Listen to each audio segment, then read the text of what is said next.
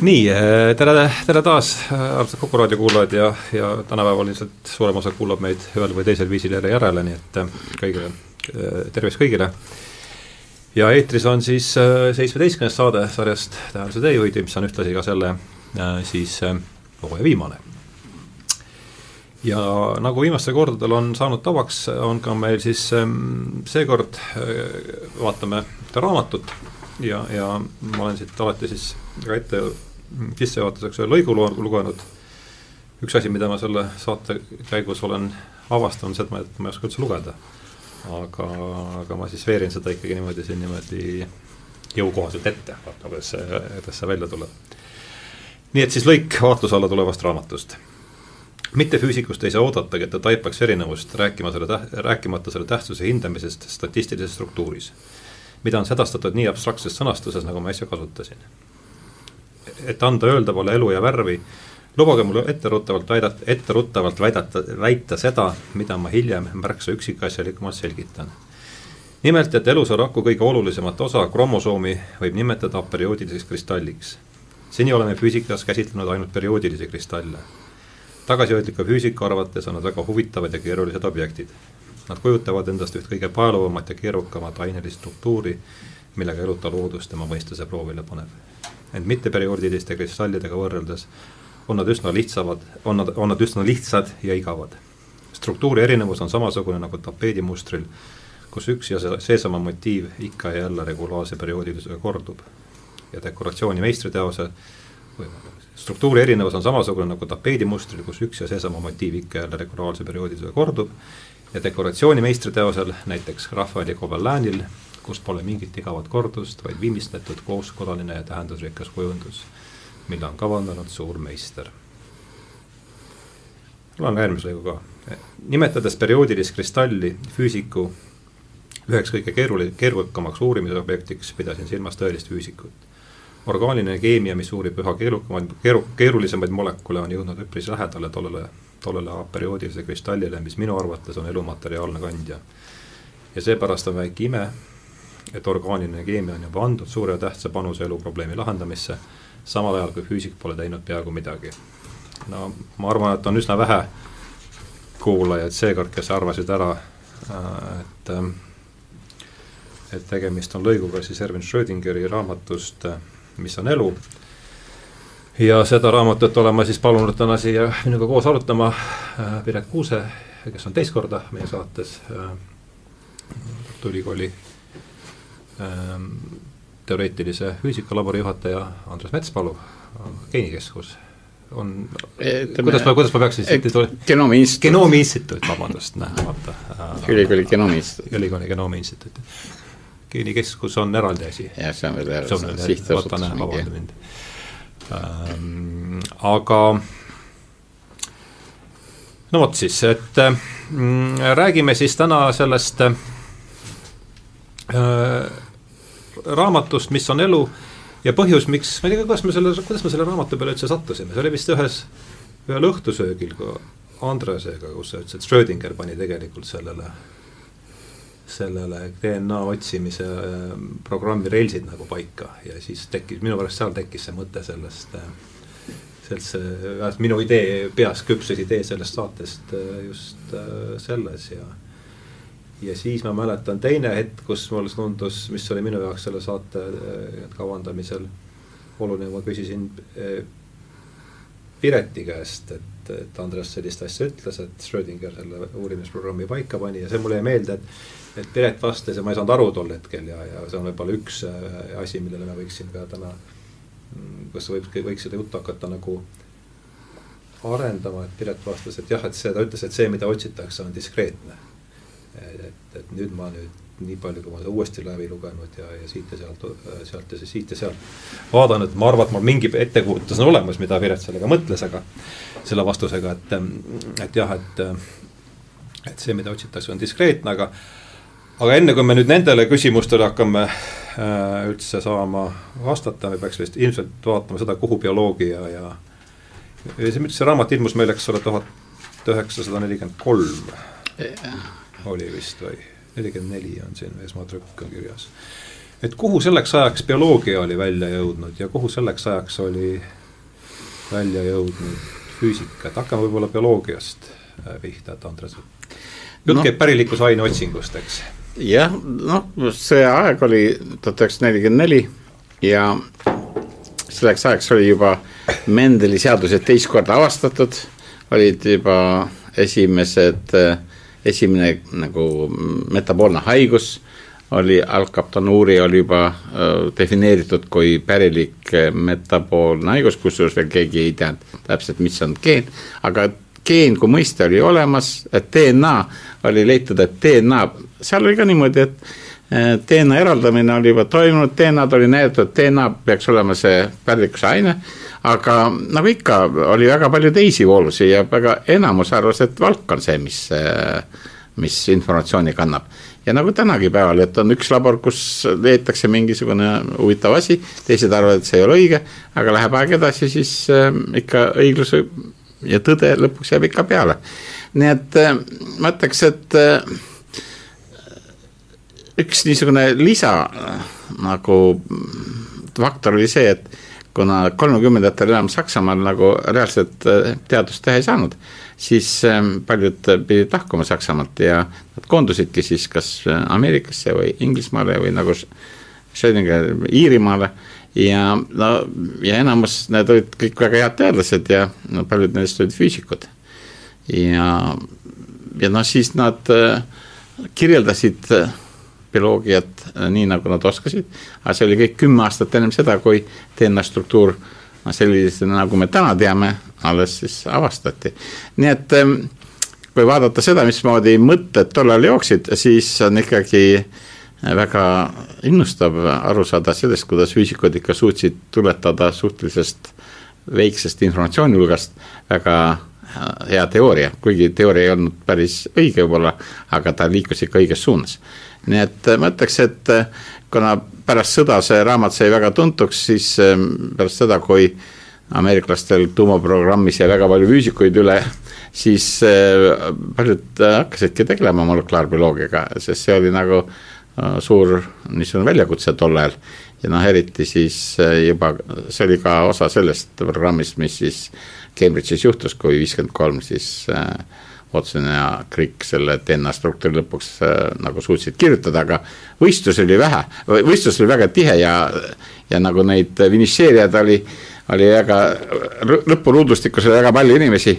ja noh, seal oli ka õnne nendel, kes siis ikkagi lõpuks nagu võitsid, aga teised olid väga lähedal, et samas on niimoodi, ega Watson ja Crick ikka ehitasid oma töö ka teiste õlgadele et seal ei olnud nii, et nad, nemad ei, ei teinud ise katseid, nad ainult arutasid teiste inimeste katseid. nii et ähm, selleks ajaks, kui Schrödinger oma raamatu avaldas, ma arvan, et kõige suurem tähtsus on see, et ta populariseeris neid mõtteid, mis oli. ja, ja kui nii nagu konkreetselt võtta, siis ta põhimõtteliselt kirjeldab ühte eksperimenti populaarses äh, toonis äh, lahti, mis tehti tegelikult äh, no kümme aastat varem Äh, Oskar Vohti laboris äh, Kaiser Wilhelmi instituudis, mis on tuntud kui Berliin Puhh. seal on täna Max Delbrück tsentrum ja on teaduskeskus endiselt ja.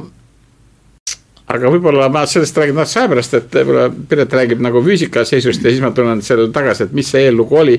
Äh, kuidas see eksperiment tekkis, mis siis lõpuks Schrödingeri selle raamatuni viis. no Schrödinger kuulus muidugi sellesse põlvkonda, mis elas nii-öelda füüsika kuldajastul, kui füüsika ja eriti teoreetiline füüsika, mis muidugi tugines eksperimentaalfüüsikal, oli loodusteaduse eesliin kindlalt, sellepärast et sealt formuleeriti uusi julgeid mõtteid ja uut maailma nägemist, see on siis Schrödinger oli põhiliselt tegev kvantteooria alal. tema ise oli üks kvantteooria loojatest, kvantteooria sai alguse peaaegu üheaegselt tuhande üheksasaja kahekümne kuuendal aastal kui Schrödinger esitas oma lainevõrrandi, mida praegugi tuntakse Schrödingeri võrrandi nime all, kvantmehaanika üks alusvõrranditest tema oli siis austerlane ja vist elas Viinis sel ajal, töötas Viini ülikoolis. Ja teine kvantmehaanika loomise haru oli Põhja-Saksamaal, Göttingenis ja äh, Kopenhaagenis, Taanis, kus siis äh, töötasid äh, Bohr, Niels Bohr ja tema juures Werner Heisenberg. Göttingenis oli Max Born ja teisedki kelle hulgas on siis mm, kümmekond Nobeli laureaati, kas, kas kohe said oma preemiad või, või aja jooksul. kas Schrödinger sai oma võrrandi eest mm, Nobeli preemia, ei mäleta küll peast, mis aastal. ja seda juttu mm, kvantfüüsika loomise põlvkonnast räägin ma sellepärast, et et eriti just need, kes selle kvantfüüsika sõnastasid ja võrrandid esitasid, nende, need võtsid omaks kvantmehaanika maailmapildi. see tähendab, et mm, teatud tingimustes mikromaailmas muutused ei toimu mitte pidevalt, energia näiteks ei saa muutuda pidevalt, nagu siin makromaailmas, selle igapäevafüüsikas vaid saab muutuda ainult hüpete ehk kvantide kaupa. ja see kvantide kaupa muutumine ja diskreetsus, noh, kindlates tingimustes muidugi, see on kvantfüüsika mõtteviisi üks tugipunkte ja ei ole imeks pandav, et Schrödinger, nagu öeldakse, oli sellest läbi imbunud igatepidi ja kui ta vaatas maailma ja kui ta vaatas, mis toimub bioloogias, noh, laiade huvidega, nagu too põlvkond kõik oli teaduse eesliinil, ärksad inimesed ja mitte väga vanad, siis selles samas pärilikkuse katsetes ta siis suutis ka välja eristada ja sõnastada tingimuse, et mutatsioonid ei ole mitte pidevad, ei toimu mitte, et natuke muutub ja siis veel natuke ja siis lõpuks jõutakse uue noh, kas liigini või, või uue tunnuseni, vaid et katsed näitavad, et need muutused on hüppelised ja siin tuli temale kohe silma ette see tüüpiline kvantmehaanika pilt, et mingisugune, mingi süsteem, no ütleme molekul või aperioodiline kristall, nagu ta armastab öelda, on äh, teatud olekus ja selles olekus on tal teatud potentsiaalne energia ja äh, aga see potentsiaalne energia on äh, niisugune, et teatud kõrgusel või noh, kuidas seda öelda, teatud energial ja teatud liikumisel hakkab see jälle vähenema. ja siis kvantmehaanika järgi on võimalik siis nii-öelda kvanthüpe sellesse teise olekusse, kus mm, stabiilsus, stabiilne olek on teistsugune. see on kvantmehaanikas niisugune väga harilik protsess ja võttes oma kvantmehaanikast pärit mm, kujutluspildi, äh, sobitas Schrödinger selle mm, nende kärbestega tehtud katsetega ja ütles, et vot nii, nii see asi toimubki, see, see mm, potentsiaali pilt on siin selles samas raamatus lehekülg seitsekümmend seitse, kellel on raamat käepärast. Äh, noh, klassikaliselt võiks muidugi mõelda seda niimoodi umbes nagu viskame palli üle müüri, kui, kui meil on energiat pallile anda piisavalt palju, siis ta jõuab üle müüri, kui on liiga vähe, siis ta ei jõua. aga muidugi vahe, suur vahe on selles, et pallile me anname energiat pideva suurusena aga kvantteoorias on energiat võimalik anda ainult kindlate noh, kvantide kaupa. Niisiis Schrödingeri viis selle mm, raamatu kirjutamiseni ja elu üle, elu olemuse üle mõtlemiseni. Minu arust siis kaks asja, esimene asjaolu oli see, et tolleaegsed noored terased füüsikud olid üldse väga laiade huvidega. Kuna, kuna füüsika meelitas nii-öelda parimaid noori enda juurde. Ja teiseks kvantmehaanika, mille loomises ta oli osaline ja mille üle neil olid ka tulised vaidlused sealsamas Kopenhaagenis Bohri ja Heisenbergiga. Need kinnistasid temas seda kvantmehaanilist maailmapilti ja neid kahte asja kokku pannes jõudis ta siis selle, nende järeldusteni, mis ta on kirja pannud nendes loengutes ehk selles raamatus, mis on elu mulle jäi äh, Andrese sissejuhatusest niisugune ähm, lause kõrva, et äh, Mendeli seadused avastati teist korda, et võib-olla ma arvan, et mulle ei, teeks üldse äh, paha rääkida kõigepealt, mis need Mendeli seadused olid ja, ja kuidas, kuidas nad teist korda avastati, niimoodi väga põ-, noh, niimoodi. no vaata, Mendel oli Brno kloostris äh, mis tol ajal oli kloostri nagu täna on Teaduste Akadeemia. ma olen isegi seal käinud, tal oli seal, just küll, et ta oli munk seal, aga noh, oli tegelikult no, ütleks noorem teaduslik töötaja. ja tal oli seal üks peenar, kus ta need herned siis seal äh, kasvatas ja ta pani siis tähele need äh, seadused niimoodi, et ta näeb, et äh, tunnused on pärilikud ja need on, antakse edasi juhuslikult ja ja, aga ta avaldas isegi selle töö, aga see nagu ikka, tollal internetti ei olnud avaldas seal oma äh, teaduslikus äh, kirjanduses, aga seda keegi ei lugenud. ja kui siis noh, umbes nelikümmend aastat hiljem hakati, inimesed hakkasid jälle katseid tegema, siis äh, kolmes kohas, nii Hollandis ja Saksamaal ja Austrias leiti, et niisugune töö on juba tehtud. ja seda ma kutsungi siis nagu teist korda avastamiseks, need, aga tagasi füüsika juurde, siis ega füüsikud bioloogia pidasid ikkagi noh, nagu margikogujad, see ei olnud nagu ikka mingi teadus. Et siin see füüsikute ja lüürikute vaidlus kestis veel äh, siin kaua aega pärast sõda. Ja, aga ma tahaks äh, tuua selle näite, et kuidas üldse oli võimalik füüsikuid äh, siis kutsuda selle teema juurde, üldse nagu pakkuda neile välja probleem, mis neile tundus nagu probleem, sest muidu nende jaoks olid bioloogide probleemid niisugused elementaarsed, ei olnud nagu mõtet mõelda seal nagu nende jaoks ei olnud mingit pingutust aga juhtus niimoodi ja see on niisugune pikem lugu, aga kõigil on kuskil algus ja see lugu algab sellega, et, et Lenin suri ära. ja bolševikud arvasid, et Lenin oli mingi geenius ja, aga nad ei osanud, tahtsid tema aju uurida, et äkki on mingi geeniuse ajal mingi omaette aju ja neil seal Moskvas kedagi ei olnud, kes uuriks aju.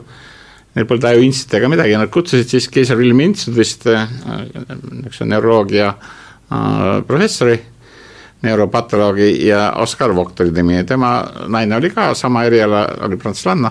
ja ta kutsus ta Moskvasse, et äh, uuriks siis nii-öelda geeniuse aju. Ja ta tegid seal hulgal lõike, seal tuhandeid lõike ja ta leidis, et mingid püramiidirakud olid natuke suuremad kui, kui muidu umbes ja siis need on need geeniuse rakud, aga noh, kokkuvõttes oli see, lõpp oli siis selline, et ta ütles, et noh, et äkki saadate mõne tüübi siis õppima sinna Berliini, et järgmine kord ei oleks vaja siit kedagi kutsuda, et ja siis bolševikud mõtlesid, et teevad siis endale mingi ajuinstituudi sinna Moskvasse, aga saatsid siis, leidsid ühe tüübi, kelle nimi oli siis Timofei Rostevski ja tema läheb seal Berliini nagu stažeerima, nagu meil öeldakse.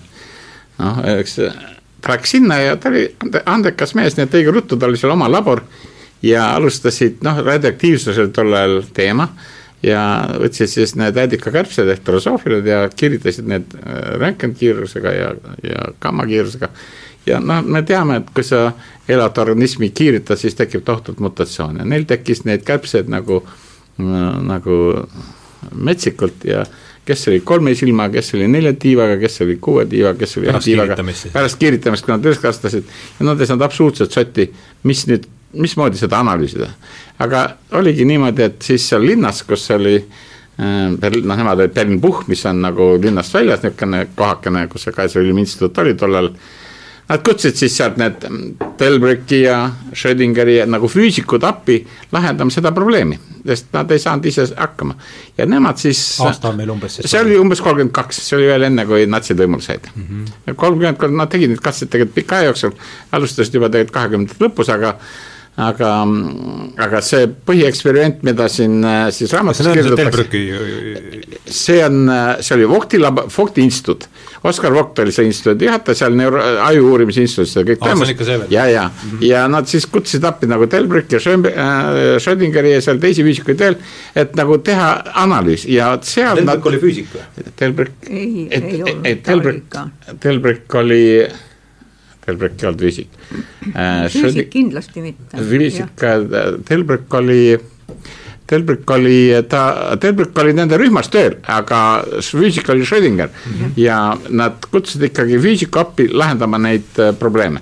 ja nad nagu siis äh, hulga peale tõestasid ära, et kuidas need mutatsioonid tekivad, mis see sagedus on, kui suur peab olema see kiirituse tihedus, et need mutatsioonid tekiksid ja, ja said seal niisugused kvantitatiivsed näitajad, need arvud ja, ja see oligi nende põhilise artikli siis tuum, mida siis äh, Timo Versevski, Zimmer ja Tilbreck avaldasid.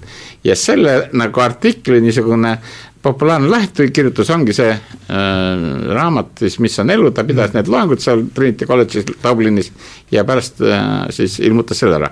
kui ta nüüd kõik seda kokku võttis, siis noh, loomulikult palju sellest informatsioonist sel ajaks oli juba teada ka teistest allikatest, aga ta võttis selle kõik kokku, aga esitas selle väga niisugusel Äh, viisil, et see muutus väga populaarseks. ja see oli niisugune nendele füüsikutele siis, kuna füüsik oli selle kirjutanud, siis see füüsikutel oli mingi äh, nagu allikas, millest lähtuda. ja noh, sellest tekkis, kasvas välja see niinimetatud Faagi grupp, mis läks siis Ameerikasse Cold Spring Harborisse, millest on tänaseks tekkinud. Watson vist pärast. no Watson oli ka seal pärast, aga noh, seal olid, seal Luria ja Delbrick ja need olid, äh, läksid ka Ameerikasse, sest nad ei saanud seal Euroopas töötada enam no nii et põhimõtteliselt nad, näiteks Salvar Luria, kes oli üks nendest vaagigrupi liige, töötas Indiana ülikoolis äh, mingi aeg ja tema esimene äh, doktorant oligi äh, Jim Watson mm -hmm. seal Indiana ülikoolis, nii et ja tema tegi juba siis vaagidega katseid. nii et põhimõtteliselt igal asjal on nagu mingi story ja, ja see füüsikute nagu kaasamine, siin oli kaks asja, esiteks nagu teema oli keeruline, et neid äh, ahvatleda seda lahendama. Ja teiseks jäi ka neid pärast seda nagu üle palju, kuna noh, tuumapro-, tuumaprogramm nagu vähendati ja seal tekkis, füüsikuid oli mitmel pool, noh, see on äh,, nad tegid ikka väga palju, äh, füüsikud on väga noh, nagu siin juttu oli, ikkagi teaduse teaduses see top tase ja need inimesed, kes suudavad mõelda ja, ja nad mõtlevad, inimest ongi teadusesse vaja ja palun võtaks veel enne, kui ma Piretile annan sõna, et mutatsiooni mõiste, see on nii, nii keskne siin, et üritaks selle kuidagi ära defineerida. noh, mutatsiooni me mõistame ikka niimoodi, et seal DNA-s peab tekkima muutus ja see ongi niisugune muutus, et seal ei ole, kas ta on, seal on ainult neli ju varianti, eks meil on DNA-s need neli nukleotiidi ja selle järjestus on see, kus see informatsioon peitub ja seal on, kas on A või C või G või D, nagu me neid kutsume neid, ja kui see A läheb C-ks, siis see on mutatsioon ja selle ja see hüpe, me võime täna öelda, on nii suur, et see võib olla nii-öelda A, siis sa oled elus ja kui see muutub C-ks, siis oled surnud. tähendab, see ongi, see ongi maksimaalne värk. aga noh, nagu äh, statistika on füüsika, nagu alustasin, äh, siis ähm, bioloogias on sama lugu et äh, kuna neid geene hästi palju ja siis äh, see üks mutatsioon mõnikord võib tähendada surma, mõnikord ei tähenda mitte midagi. ja no me ütleme, kui ta on väga äh, sage, see muutus, mis on väga palju muutusi, igas meie, minu ja Piriti vahel on siin kolm miljonit muutust ja noh, me ikka saame eluga hakkama, siis küsimus on selles, et sõltub, kus see mutatsioon tekib. ja vot evolutsioon nüüd ongi see, et, et mutatsioonid tekivad kogu aeg igas põlvkonnas ja iga laps, mis sünnib, tal on uued mutatsioonid. Äh, mitte küll palju, aga mitukümmend uut. ja kuna keskkond kogu aeg muutub, siis ta ongi see äh, nagu looduslik valik, et, et äh, mitte, see ei ole suunatud muutused, need on juhuslikud ja jäävad alles need, kes paremini sobivad, ainult kahjuks on praegu olukord selline, et keskkond muutub nii kiiresti ja, ja mutatsioonid ei teki nii kiiresti. et võtab terve põlvkonna, et uus mutatsioon nagu juurduks, nii et siin on, mutatsioon on ikkagi muutus DNA-s, mis põhjustab mingisuguse fenotüübi. ja see tähendab siis. selline siis diskreetne muutus. jah, on absoluutselt diskreetne muutus, jah aga eh, no mis siit Andrese jutust käis läbi, et füüsikaseadus ja, ja see no kuidas Schrödinger oma argumendi siin üles ehitab, et minu arust ta kõigepealt rõhutab seda, et füüsikaseadused on eh, statistilised ja, ja ja, ja, ja siin on ja üks lause, mis ma siit viiskümmend, lehekülg viiskümmend kolm endale üles kirjutasin, et füüsik võib pidada De Vriesi mutatsioonide, mutatsioonide teooriat piltlik füüsik võiks, De Vries, kas see oli siis üks ole, kes nüüd avastas need Mendeli seadused uuesti, ma saan aru, eks. et tema niisugune mutatsioonide teooriat võiks piltlikult nimetada bioloogia kvantteooriaks. aga et võib-olla võtaks sellesama, kõigepealt ju, kui Schrödinger hakkab seal oma raamatu alguses, ta püstitab küsimuseks, et miks me koosneme, miks me oleme nii aatomitega võrreldes nii suured, et ma arvan, et see on nagu oluline, oluline küsimus, et no. selle raamatu see, et võib-olla Piret oskab tema, tema argument seisab selles, et mm, mikromaailm on allutatud äh, juhusele. aga kuna meie oleme suhteliselt stabiilsed, siis peab, peavad need kõikvõimalik mikromaailma juhused keskmistuma mingisuguseks stabiilseks organismiks. aga selleks, et keskmistumine saaks toimuda, selleks peab olema aatomeid palju. sest jah, kui neid vähe on, siis me saame selle Browni liikumise, mida juba üheksateistkümnenda sajandi alguses mikroskoobis vaadati, et õietolm mingisuguses vedelikus, õietolmuterad liiguvad täiesti juhuslikult, noh, sealt on see termingi Browni liikumine. sellepärast, et juhuslikult põrkuvad nad mingisuguse vedeliku molekuliga ja, ja see juhuslik trajektoor ongi niisugune noh, Browni liikumine, nagu füüsikud ütlevad aga selleks, et organism oleks stabiilne ja saaks alluda mitte juhuslikkusele, vaid, vaid dünaamilistele Newtoni seadustele, ütleme, kui me jääme makroskoopiliste, noh, meie suurusjärgus kehade juurde, selleks peavad kõik need aatomite liikumise juhuslikkused keskmistuma ja selleks peab neid olema väga palju, muidu me, meie elu oleks või meie käitumine oleks samasugune nagu, nagu õietolmuteradel seal vedelikus, mida Braun äh, vaatas umbes aastal tuhat kaheksasada kakskümmend. aga see on nüüd niisugune sissejuhatus sellele, miks meie oleme nii suured või makroskoopilised kehad peavad koosnema tohutult paljudest aatomitest, no lihtsalt selleks, et, et nad saaksid liikuda nagu üks keha. aga mutatsioonide juures, tähendab nende õigemini kromosoomide juures, sest Schrödingeri ajal kromosoom oli juba tuntud, aga mitte kromosoomi ehitus. kromosoomide juures Schrödinger vaatas neid katsetulemusi ja füüsikule omaselt arvutas, vaatas, kui suur kromosoomi piirkond on see, mis tek-, kus mutatsioon võib tekkida, noh, kuna tal see statistika, mutatsioonide statistika oli, oli kätte antud, siis sai ta selle välja arvutada ja tema arvutused näitasid, et see, see on aatomitega võrreldes väga väike ruumala ja nii vähestest aatomitest koosnev osa ei saa olla, seal ei saa tekkida mingisugust keskmistamist, kuna aatomeid lihtsalt on liiga vähe. ja siis jõudis ta siis sellele järeldusele, et see peab olema siis mikromaailma seadustele vastav käitumine, kui seal on nii vähe aatomeid selles olulises kromosoomi osas, kus mutatsioon tekib. ja kui seal on vähe aatomeid, mis alluvad siis kvantmehaanikale, siis järelikult on seal mingisugused niisugused potentsiaalid, et kui sajab sisse röntgenkvant, mis on suure energiaga, siis võib ta virutada seal molekuli mingile osale nii kõva hoobi, et see siis läheb ühest stabiilsest olekust hüppeliselt teise, ehk see on siis, siis tüüpiline kvantprotsess.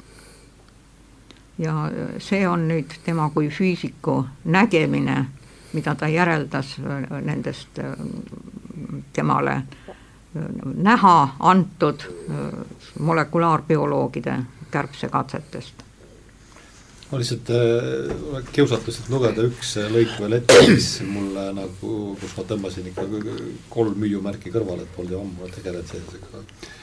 et naiivse füüsiku ettekujutuse esit-, naiivse, naiivse füüsiku ettekujutuste esitamisel on hea alustada veidrast, peaaegu naeruväärsest küsimusest. miks on aatomid nii väikesed? Kõigepealt nentigem, et nad on tõepoolest väga väikesed. iga pisike aineraas, millega me igapäevaelus kokku puutume, sisaldab neid tohutul hulgal on välja mõeldud rohkesti näiteid, mille abil seda kuulajaskonnani tuua, ent ükski neist pole nii mõjukas kui Lord Kelvini kasutatu. oletagem, et, et, te võite märgistada molekulid klaasitäies vees. valage selle sisu maailmamerre ja segage viimast äh, põhjalikult, nii et märgitud molekulid, molekulid selles ühtlaselt jaotuksid. Kui nüüd võtate klaasitäie vett ükskõik missugusest kohast ookeanis, leiate sellest umbes sada teie märgitud molekuli, et see on päris niisugune ohoo. Et kas tõesti? jah, see on väga hea näide, tähendab, kui väike molekul on ja nüüd, kui me tuleme bioloogia juurde ja meil on nagu tegemist makromolekulidega, kus, kus, mis muidugi koosneb subühikutest, kus on molekulid ja egamolekulis on aatomid ja nii edasi, siis loomulikult need reeglid täna kvantfüüsika ikkagi oskab seletada väga väikseid äh, molekule, see on nagu vesinik ja, ja võib-olla natukene suuremad. No tänapäeva biofüüsika muidugi tegeleb ka klorofülliga näiteks, isegi meie instituudis klorofüll on juba üsna keeruline molekul ikkagi äh, sellest nagu kromosoomi dimensioonist jääb see kõik kaugele, kaugele maha. nii et see on juba järgmine siis selline no, suur see on, on väga suur äh, vahe on jah. Aga kuidas me võiks seda umbes niimoodi näitlikustada, ütleme, et kus on see kvanttase ja mis seal see noh, mis, mis skaalal seal nüüd ütleme no, siis sellel no kvantmehaanikal seal käivad angstromides käivad asjad, oli see kümme astmed miinus, miinus kümme või, või palju?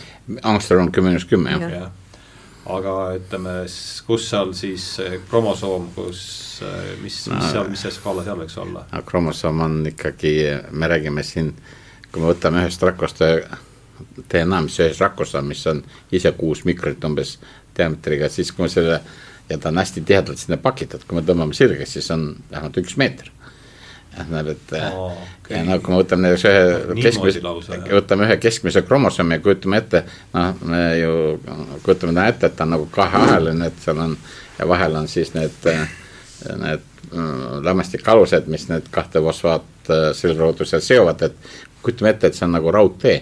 et see liiprid on need lämmastikalused, mis seal on vesiniksidemete üksteise vahel, siis see keskmine kromosoom ulatub Tartust Berliini, kusjuures iga Ah, liiper on seal üks nendest äh,, nendest äh, siis lämmastikalusest, mida seovad vesiksidemed.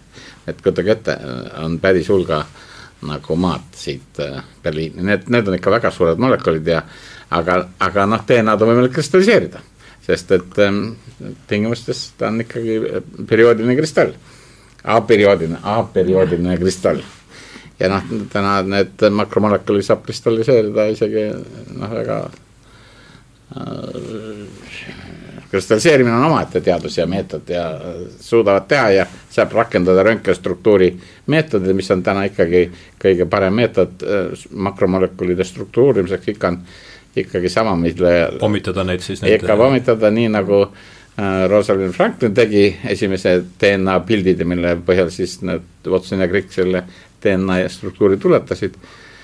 see on tänapäevane see ikkagi valikmeetod. noh, kui juba on kristalliseeritud, siis muidugi saab äh, eksperimentaalfüüsika täies rauas tööle panna ja seda tehaksegi väga intensiivselt ja väga palju ja noh, ka meie instituudis on, on, on tegelikult kahe instituudi vahepeal, Tümri ja, ja Füüsika Instituut, on töörühmad, mis tegelevad klorofülli uurimisega ja sellega, kuidas klorofüll seob neid footoneid, mis päikese pealt tulevad ja, ja seda fotosünteesi tekitavad. aga see on muidugi omaette teadus ja sel alal ma väga sõna võtta ei tahaks küsin igaks, kas ma nüüd õigesti saan aru, et, kas väide oli see, et, et kui me võtame selle kromosoomi, mis on raku tuuma niimoodi kokku pressitud ja kui me laiali tõmbame, siis ta võib olla meeter ikka? jah tähendab noh, seal on, ütleks nii, et kogu see DNA, seal on kromosoomi on nagu rohkem, aga kui paned selle kogu genoomse DNA nagu järjest, siis on nagu umbes meeter pikk. niimoodi, ta, ta on hästi tihedalt pakitud mm -hmm. ja mhm. seda üritavad siin osad niisuguseid suundi on sellest, et kasutada DNA-d kui informatsiooni säilitamise äh, nagu keskkonda. et väga väiksesse ruumale saab väga palju informatsiooni panna. et see on ikka nagu noh, kuus gigabaiti on ühes tuumas ja see on nagu äh, vaevalt mikroskoobis nähtav. Kas see on nüüd see, kuhu sa, äh, käib jutt, et kui arvutid võivad liikuda? jah, arvutid võiksid sinna liikuda, seda katsed on tehtud, et kuidas seda kasutada, seda äh, DNA-d kui informatsiooni säilitamisvahend, sest täna noh, küsimus selles, et täna kõik need salvestusmeediumid muudkui lähevad suuremaks ja see on igast palju tehnilisi probleeme, soojuse ärajuhtimine ja nii edasi, aga DNA on väga kompaktne ja, ja evolutsioonis on see välja tulnud niimoodi, et väga väikse ruumalt saab väga palju informatsiooni paigutada. nii et see on jälle nagu oma teema, aga kui tulla nagu korraks veel tagasi selle statistika juurde, siis täna on ka bioloogiateadus, geneetika eriti, noh ikkagi me kasutame ka statistikat, see ongi jäänud jällegi nagu statistika juurde tuleme tagasi hoopis teisel tasemel ja mitte sellisel, mitte sellisel kujul, kui kui ähm, siin Schrödinger kirjeldab, aga põhimõtteliselt, kui me vaatame terveid populatsioone või vaatame tervet äh, loomariiki või terve elus organisme, siis ikkagi need mutatsioonid, mis toimuvad, toimuvad statistiliselt ja ja kui me võtame ühe koe, kus on väga palju rakke, kui me võtame üksikuid rakke, me täna saame üksikuid rakke ükshaaval uurida. me vaatame, et, et kuidas ühes koes, kus on nagu peaksid ühesugused rakud olema, et nad ekspresseerivad mingit äh, valku või, või mingit RNA-d. siis erinevad rakud teevad seda erineva intensiivsusega, kuid lõpuks jällegi tekib nagu see standardjaotus äh, ikkagi kokkuvõttes tekib mingisugune keskmine, mis tagab selle, et see kude või see organ töötab nii, nagu ta peab töötama, aga alati, kui sa vaatad üksikuid, siis mõni teeb paremini, mõni kehvemini. ja no see on see, mida me täna veel täpselt ei, ei saa aru, kas see on, isegi me ei oska öelda, kas see on meil, me üritame teha nii katset, et mõõtmisviga oleks minimaalne, aga seda kunagi ei saa välistada. ja samas me näeme ka, et, et on mingisugused tegurid, mida me täna ei mõista et genoomis on väga palju geene ja me ei oska täna öelda täpselt ühe geeni mõju, me näeme, et isegi näiteks pikkuses kontributeerib tuhandeid geene, et inimene iga, annab võib-olla mõni geen annab ainult mõne millimeetrise pikkusesse, kuid kokkuvõttes äh, ikkagi äh, ikkagi äh, inimkond kui selline kogu aeg läheb pikemaks. inimene kui selline läheb kogu aeg pikemaks no statistika on matemaatika haru ja matemaatika kohta öeldakse, et see loob võimaluse kirjeldada igasuguseid asju. Niisamuti nagu lainevõrrand võib kirjeldada noh, elektromagnetlainet ehk valgust, aga võib ka kirjeldada lainet vee peal või kes teab veel, mis lainetust.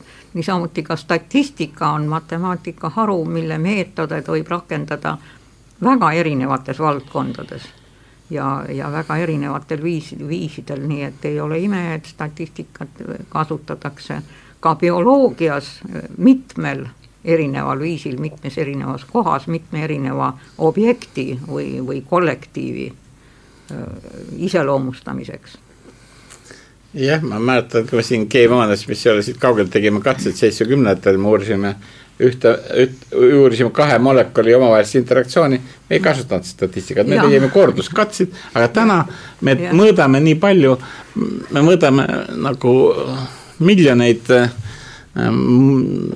interaktsioone ühe korraga ja enam ilma statistikata me ei saa, me peame neid statistika nagu tööriistu kasutama ja muidu me mingeid nagu tulemust ei saavuta, sellepärast et muidu tekib kõik nii, nagu me kutsume, vale positiivne. Ja noh, seitsmekümnendad olid, oli üldse see aeg, kus mm, mitte ainult tähendab bioloogias ma ei tea, aga näiteks arstiteaduses hakati nõudma arstiteaduslikes töödes mitte lihtsalt äh, haiguste kirjeldamist ja ravi kirjeldamist, no mis oleks nagu loomulik, et ravisime niimoodi, saime niisuguse tulemuse, aga seda ei peetud enam arstiteaduseks, vaid nõuti, et teil peab olema haigete, niisugune suur arv haigeid ja te peate tegema statistikat.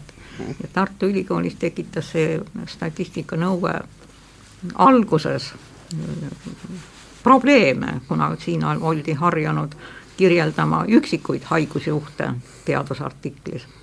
aga no muidugi tänapäeval on, on see statistika. millal see nõue tuli, see oli päris huvitav ma arvan, et seitsmekümnendatel või, või kuuekümnendate lõpul või kuskil seal.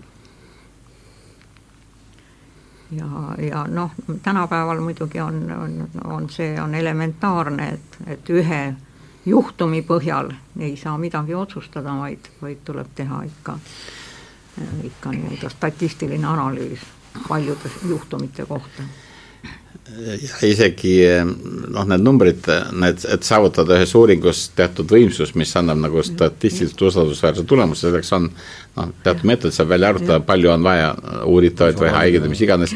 ja kahjuks on Eesti nii väike riik ja meil on ainult üks koma kolm miljonit inimest, enamus äh, projektide jaoks meil ei jätku lihtsalt inimesi. ja, ja vaatamata sellele, et meil on siin äh, Eesti geenivarvus on viiskümmend kaks tuhat inimest, mida saame uurida, enamus küsimusi äh, ei ole võimalik selle kohordiga veel lahendada, me peame alati töötama ülemaailmselt ja kutsuma seal kokku, teinekord meil on miljon inimest. kaks tuhat ei ole. ei ole, ei ole ja nüüd me kogume juurde ja, ja ikkagi me saame siin rakendada teatud noh, praktilisi eh, protseduure, et nagu tervishoidu parandada ja diagnoosi teha küll, aga teoreetilistele küsimustele vastamiseks. Ja vastuste tegemiseks jääb seda väheks. noh, mõnele küsimusele võib-olla saab vastata, aga enamusele ei saa, kui me võtame lihtsalt niisugused nagu pikkuse või kaalu, mis kõigil on mõõdetud, siis midagi seal saab, aga kui hakkame uurima haiget, siis kui haiged on ainult üks protsent populatsioonist, siis viiekümnest kahest tuhandest jääb ainult üks protsent alles. Ja see on juba nii väike number, et ei saa ja siin mitte ei ei ole vajagi minna seitsmekümnendatesse tagasi, vaid siin alles ehm, viisteist aastat tagasi keegi võttis kokku need äh, niinimetatud geneetikauuringud, kus uuriti, et kuidas üks või teine mutatsioon põhjustab siis mingit fenotüübi muutust. ja, ja siis selgus, et äh, nad kontrollisid päris suure hulga artikleid ja selgus, et kuus protsenti oli neid, mis nagu kannatasid äh, kontrolli välja, kõik ülejäänud olid valepositiivsed, et kui teil on väike hulk uuritavaid, siis te saate alati selle tulemuse, mis te tahate ja, ja. Need on need esimesed ja teist tüüpi vigadest me räägime. no ja me räägime esimest ja teist tüüpi vigadest jah, et kas ta on spetsiifiline või, või sensitiivsus. ja siis äh, kõik sõltub, kuhu see kriips tõmmata seal ja võib alati hakata uskuma, et see ongi nii, aga kui sa teed seda kuskil mujal ja suuremas ähm, rühmas, siis kõik see kaob ära. ja need tohutult on kaet-, kaitstud väitekirju ja tehtud äh, uuringud, mis on ainult müra no müra on teaduses muidugi väga palju ja kaasaegne maailm võimendab seda müra veel nii palju kui vähegi võimalik, sellepärast et kisa ja kisamine on tänapäeval, kuidas seda öelda, prestiiži küsimus paljudele. et mina ka ütlen kõva häälega midagi.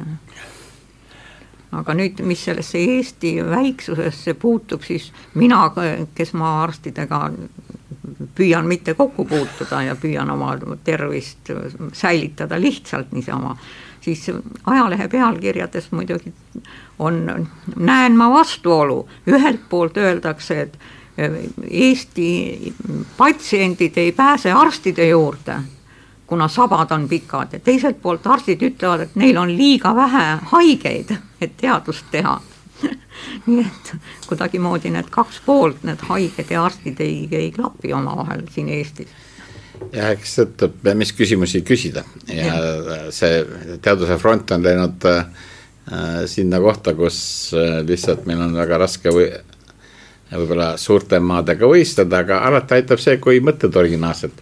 ja kui on jällegi, ma ikka tulen selle juurde tagasi, et teadlane peab mõtlema ja, ja mitte nii palju, peab midagi lugema ja õppima ka, aga ikka rohkem peab mõtlema ja kui keegi Eh, kellegiga ma arutan eh, mingi teema üle, et oi, ma seda ei tea, et ma pean hakkama lugema kirjandust, siis ma ütlen, et sa ei pea lugema kirjandust, sa pead mõtlema. Ja see aitab üldiselt edasi ja tuleb välja mõelda niisugused küsimused, mida me saame vastata ka Eestis. ja see ongi see teema, siis võib ka Eestis teha maailma tasemel teadust, aga peab olema õiged küsimused. me ei saa samu küsimusi esitada, mida küsida Ameerikas või, või Saksamaal või Inglismaal, kus on või Hiinas, kus on tuhat korda rohkem inimesi. See tuletab mulle jälle meelde sellesama Brno augustiinlaste kloostri, kus mina ka olen käinud. seal, kus Mendel oli. seal, kus Mendel oli ja seda peenart akna all vaadanud ja, ja, ja mind muidugi mm, pani imestama see teave, et see oli augustiinlaste klooster, augustiinlaste, augustiinlased olid üldse väga teaduselembelised, see ordu aga seal kloostris, mis oli noh, mitte just väga väike, mitte ka väga suur, nelinurkne sisehooviga, kus see peenarga oli, seal elas üheksa munka, kõik, rohkem ei olnud. nii et vaikne, rahulik koht, kus Mendel sai mõelda, nii nagu ta tahtis, ja oma herneid külvata ja vaadata. ei pidanud grante taotlema? ei ei pidanud aga mm, tuleme nüüd tagasi veel siis selle, liigume selle Schrödingeri juurde nüüd uuesti natuke tagasi, et ma nüüd äh, teeks vahekokkuvõtte sellest jutust, mis ma siiamaani olen aru saanud äh,. ükskõik kui puudu ja parandage mind siis. et no me oleme siin kolmekesi, tundub ikkagi elus äh,, eks. ja, ja me, aga me koosneme siin aatomitest ja, ja me oleme korrastatud aatomite äh, struktuurid, eks, ma kujutan ette, me ja meie sellest kord saab toimuda tänu sellele, mis me siin rääkisime eelnevalt, et meil neid aatomeid on piisavalt palju, et tekib see statistiline eh, seaduspära, eks oleme enam-vähem eh, õigel teel praegu. aga nüüd ometi see instru-, see, need instruktsioonid, mis meile ka kaasa antakse siis eostamise hetkel või viljastumise hetkel, et need, see informatsioon on omakorda pakitud nii väikesesse kuubikusse, et seal need, see statistiline seaduspära ei, ei tohiks nagu töötada, et seal ei ole niivõrd palju, seal ei ole niivõrd palju aatomeid, et see et see makromaailma korrapära saaks tekkida, olen ma enam-vähem. Äh, ja seal, ma arvan küll, et seal ühes viljastatud maarakus seda tüüpi statistika kindlasti ei tööta. aga noh, kohe hakkab ju Äh, munaraku lõigustumine ja kaks rakku ja neli ja nii edasi ja igas rakus on täpselt seesama informatsioon. et see tekib, kohe tekib siis ja, piisavalt kiiresti tekib just, see suur. ja instruktsioonid on ikka sellised, et, et toimub diferentseerumine ja tekivad eri rakutüübid ja eri koed ja nii edasi, nagu organismi lõpuks välja. kuid me peame arvestama seda, et organism alati suht-, on suhtes väliskeskkonnaga ja kuna iga rakutsükli järgi peab uuesti sünteesima selle, kogu selle DNA, kõik need kuus tuhat miljonit nukleotiidi tuleb uuesti sünteesida. ja kui ta teeb midagi, kui sa ehitad midagi, sünteesid midagi, tekivad alati vead. ja kui äh, ensüümid töötavad ja panevad neid nukleotiide üksteise otsa, küll komplementaarse printsiibi järgi, kuid, ähm, kuid ikka tekivad vead. ja aga rakkus. rakkude kopeerimise käigus. ja DNA kopeerimise käigus ja küsimus on siis selles, et eh, noh, muidugi jällegi evolutsioonis on välja töötatud ka mehhanismid, mis neid vigu peaksid parandama. aga kui need parandajad on ka muteerunud natukene, ei tööta nii hästi, siis ikkagi vead jäävad sisse. ja siis need vead, eh, noh, kui võtame nagu eh, kodeeriva ala, mis on võib-olla ainult üks, kaks protsenti kogu genoomist, kust valgud tulevad kui sinna tekib nagu mutatsioon, siis tihtipeale see on niisugune väga tõsine lugu. aga üheksakümmend kaheksa ja pool protsenti on niisugune, mida, mis otse valku ja RNA-d ei kodeeri, kus on, kus toimub regulatsioon, kus on nüüd, kui seal tekib mutatsioon või mingi variant tekib, siis ta võib muuta mingit funktsiooni natuke kiiremaks, natuke aeglasemaks või natuke efektiivsemaks, mis iganes, see veel ei, ei tee meist äh, nagu haiget või ei, ei lõpeta me elu, aga seetõttu me oleme kõik erinevad, et mõni mõtleb kiiremini, mõni jookseb kiiremini, mõni mängib paremini pilli ja mõni on natukene pikem ja mõni on natuke lühem. Ja seetõttu me oleme erinevad, et meil on niisugused muutused äh, tekkinud ja, ja see, kuidas need muutused tekivad, see on puhtalt statistiline ja seal mingit kontrolli ei ole, seda ei saa ka ema-isa kontrollida, me ei saa isegi anda, me ei saa isegi kontrollida, kumma kahest kromosoomist me oma lapsele anname, meil on kaks, aga ainult ühe anname edasi. ja seetõttu me ei saa täpselt tuletada seda, et kui me näeme last, siis või saame, ei saa vanemate järgi täpselt öelda, milline see laps tuleb või me ei saa ka lapse järgi öelda, milline vanemad on, sest kui me haigusi räägime, siis tihtipeale lapsel on haigus, aga vanematel seda ei ole. aga ta võib olla nagu, vanemad võivad olla haiguse kandjad, see on väga palju niisuguseid nüansse.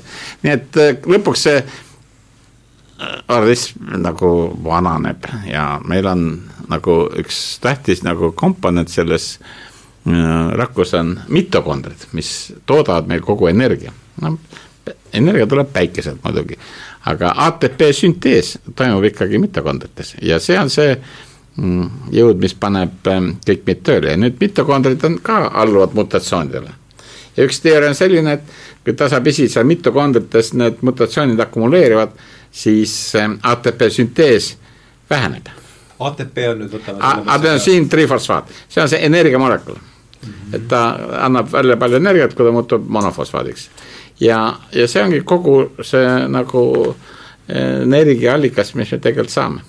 ja nüüd, kui see mitokondrid enam nii efektiivsed ei ole, siis jääb energiat väheks ja loomulikult kõige rohkem tahab energiat meil saada ikkagi aju ja siis on juba süda ja nii edasi, kui vaadata, kuidas aordist veresooned lähevad, siis esimesed, esimese vere võtab ära aju, esimese võtab ära tegelikult süda. koronaarterid hakkavad kohe pihta ja siis järgmine on aju, pump võtab ikka kõigepealt ja siis on ja siis saavad kõik teised. Nii et kui energiat jääb ikka vähemaks, siis hakkab see asi ka nagu jõudu vähemaks jääma ja see ongi see noh, seal vananemisel on palju teooriaid, aga see on üks niisugune, see on ka, miks, miks seal kuskil Eskimod või, või, või Põhja-Skandinaavias, Lapimaal, miks nemad võivad seal ikkagi vaalarasva süüa, aga Sitsiilias peavad nagu kergema õliga läbi saama, et neil sooja nii palju ei vaja genereerida, nad saavad päikselt seda, aga siin Põhjamaades ikka pead panema ikkagi valarasva, et, et piisavalt energiat tekiks ei lähe veel paksuks, sest sooja on vaja toota rohkem. palju teooriaid on, ma siin räägin, mu kolleegid võivad hakata kõik naerma, aga, aga põhimõtteliselt ja ma räägin, igasugused teooriad on ja, ja igasugused voolud on, kellelgi ei ole täna äh, nagu niisugust äh, lõplikku tõe monopoli, et just nii on võib-olla ka, et on mitmel, mitu viisi paralleelselt, ega ei ole täna täpselt äh, ühtemoodi või teistmoodi. noh, see, see teaduse võlu ongi, et, et ei ole võimalik jõuda täieliku absoluutse tõeni, sest mis siis edasi teha, siis hakkaks ju igav. ja mm, iga teooria ja iga, iga teadusharu püüab oma võimete piires asju seletada, aga, aga kõik need seletused on ümberlükatavad, on parandatavad ja, ja võib-olla siis teadus ongi niisugune kollektiivne mõistus. Jah, et jällegi tulles veel kord tagasi siis Ernst Röögeri juurde on see, et peab olema mingi impulss, mis käivitab inimesi mõtlema. Ja peab tekkima mingisugune ülesanne ja, ja mingisugune huvitav äh, teooria või mingisugune mõte, mis ahvatleb inimesi töötama selles suunas. ja, ja siis nad töötavad ja kui nad justkui lahendavad selle küsimuse ära, oma arust siis tekib alati palju rohkem uusi küsimusi. Te mäletate seda lugu, kui Hubble teleskoop oli juba orbiidil ja tulid jõuluvaheaeg ja kõik tüübid läksid puhkusele, aga panid siis selle, suunasid selle teleskoobi absoluutselt musta ruutu, kus ühtegi, neil ei ole ühtegi galaktikat ei olnud näha tulid kahe nädala pärast tagasi, see oli valge. see oli galaktika mustmiljon, nagu öeldakse. ja see, ja noh, siis oli jälle uurimist küll ja küll, tähendab küsimus oli siis selles, et kui palju zoom ida, kui sügavalt vaadata ja siin lõppu ei ole füüsika on mõnes mõttes nagu lõplik tõde minu jaoks, aga sest bioloogina mulle tundub niimoodi, et meil noh, meil on siin igast tehnoloogiad, mis me kasutame, et on bioloogiline tehnoloogia, kasutame ensüüme, siis tekib juba puhas keemia, kus mõõdame pH-d. ja siis tekib juba füüsika, kus me mõõdame ainult elektrit aga ma ei kujuta ette, mis võiks olla järgmine tehnoloogia, mida me saaksime praktiliselt kasutada. no võib-olla ma ei oska kasutada, kuidas gravitatsiooni välja kasutada või gravitatsioonilained, aga, aga ma näen, et meil on aparaadid, mis mõõdavad ainult elektrit. kus enam ei ole meil vaja äh, bioloogilist molekuli, mingit ensüümi või niisugust asja. ei mõõda isegi pH-d, vot mõõdavad ainult elektrit ja molekulid liiguvad, neil on kõigil need äh, laengud ja me saame laengute järgi iseloomustada seda äh,, seda molekuli, kas, kuna me juba teda hästi tunneme nii et ma ütleks, et füüsika on ikkagi see noh, niisuguse arsti ja bioloogi jaoks, no on ikkagi arst hariduselt, minu jaoks on see nagu äh, teadmiste tipp, et kui me jõuame füüsikuni välja, siis ma ütleks, et noh, nagu ei oska nagu mina enam siis küsimusi küsida. aga kui äh, sinnamaani on küsimusi alati väga palju. no füüsika on, äh, füüsika on mõtteviis, nagu viimasel ajal arvatakse kuna füüsika objekti ei ole võimalik defineerida, noh nagu keemia objekt on väga lihtne, see on ained, ainete omadused või bioloogia objekt on kõik see, mis on elus, ükskõik kuidas seda elu defineerida, aga füüsikal niisugust objekti ei ole, sest et kui öelda, et füüsika uurib kõike, mis on olemas, siis see on sisutühi niisugune definitsioon. Ja siis ongi pakutud, et füüsika on mõtteviis, kuidasmoodi ükskõik missugust küsimust loodusteaduses käsitleda.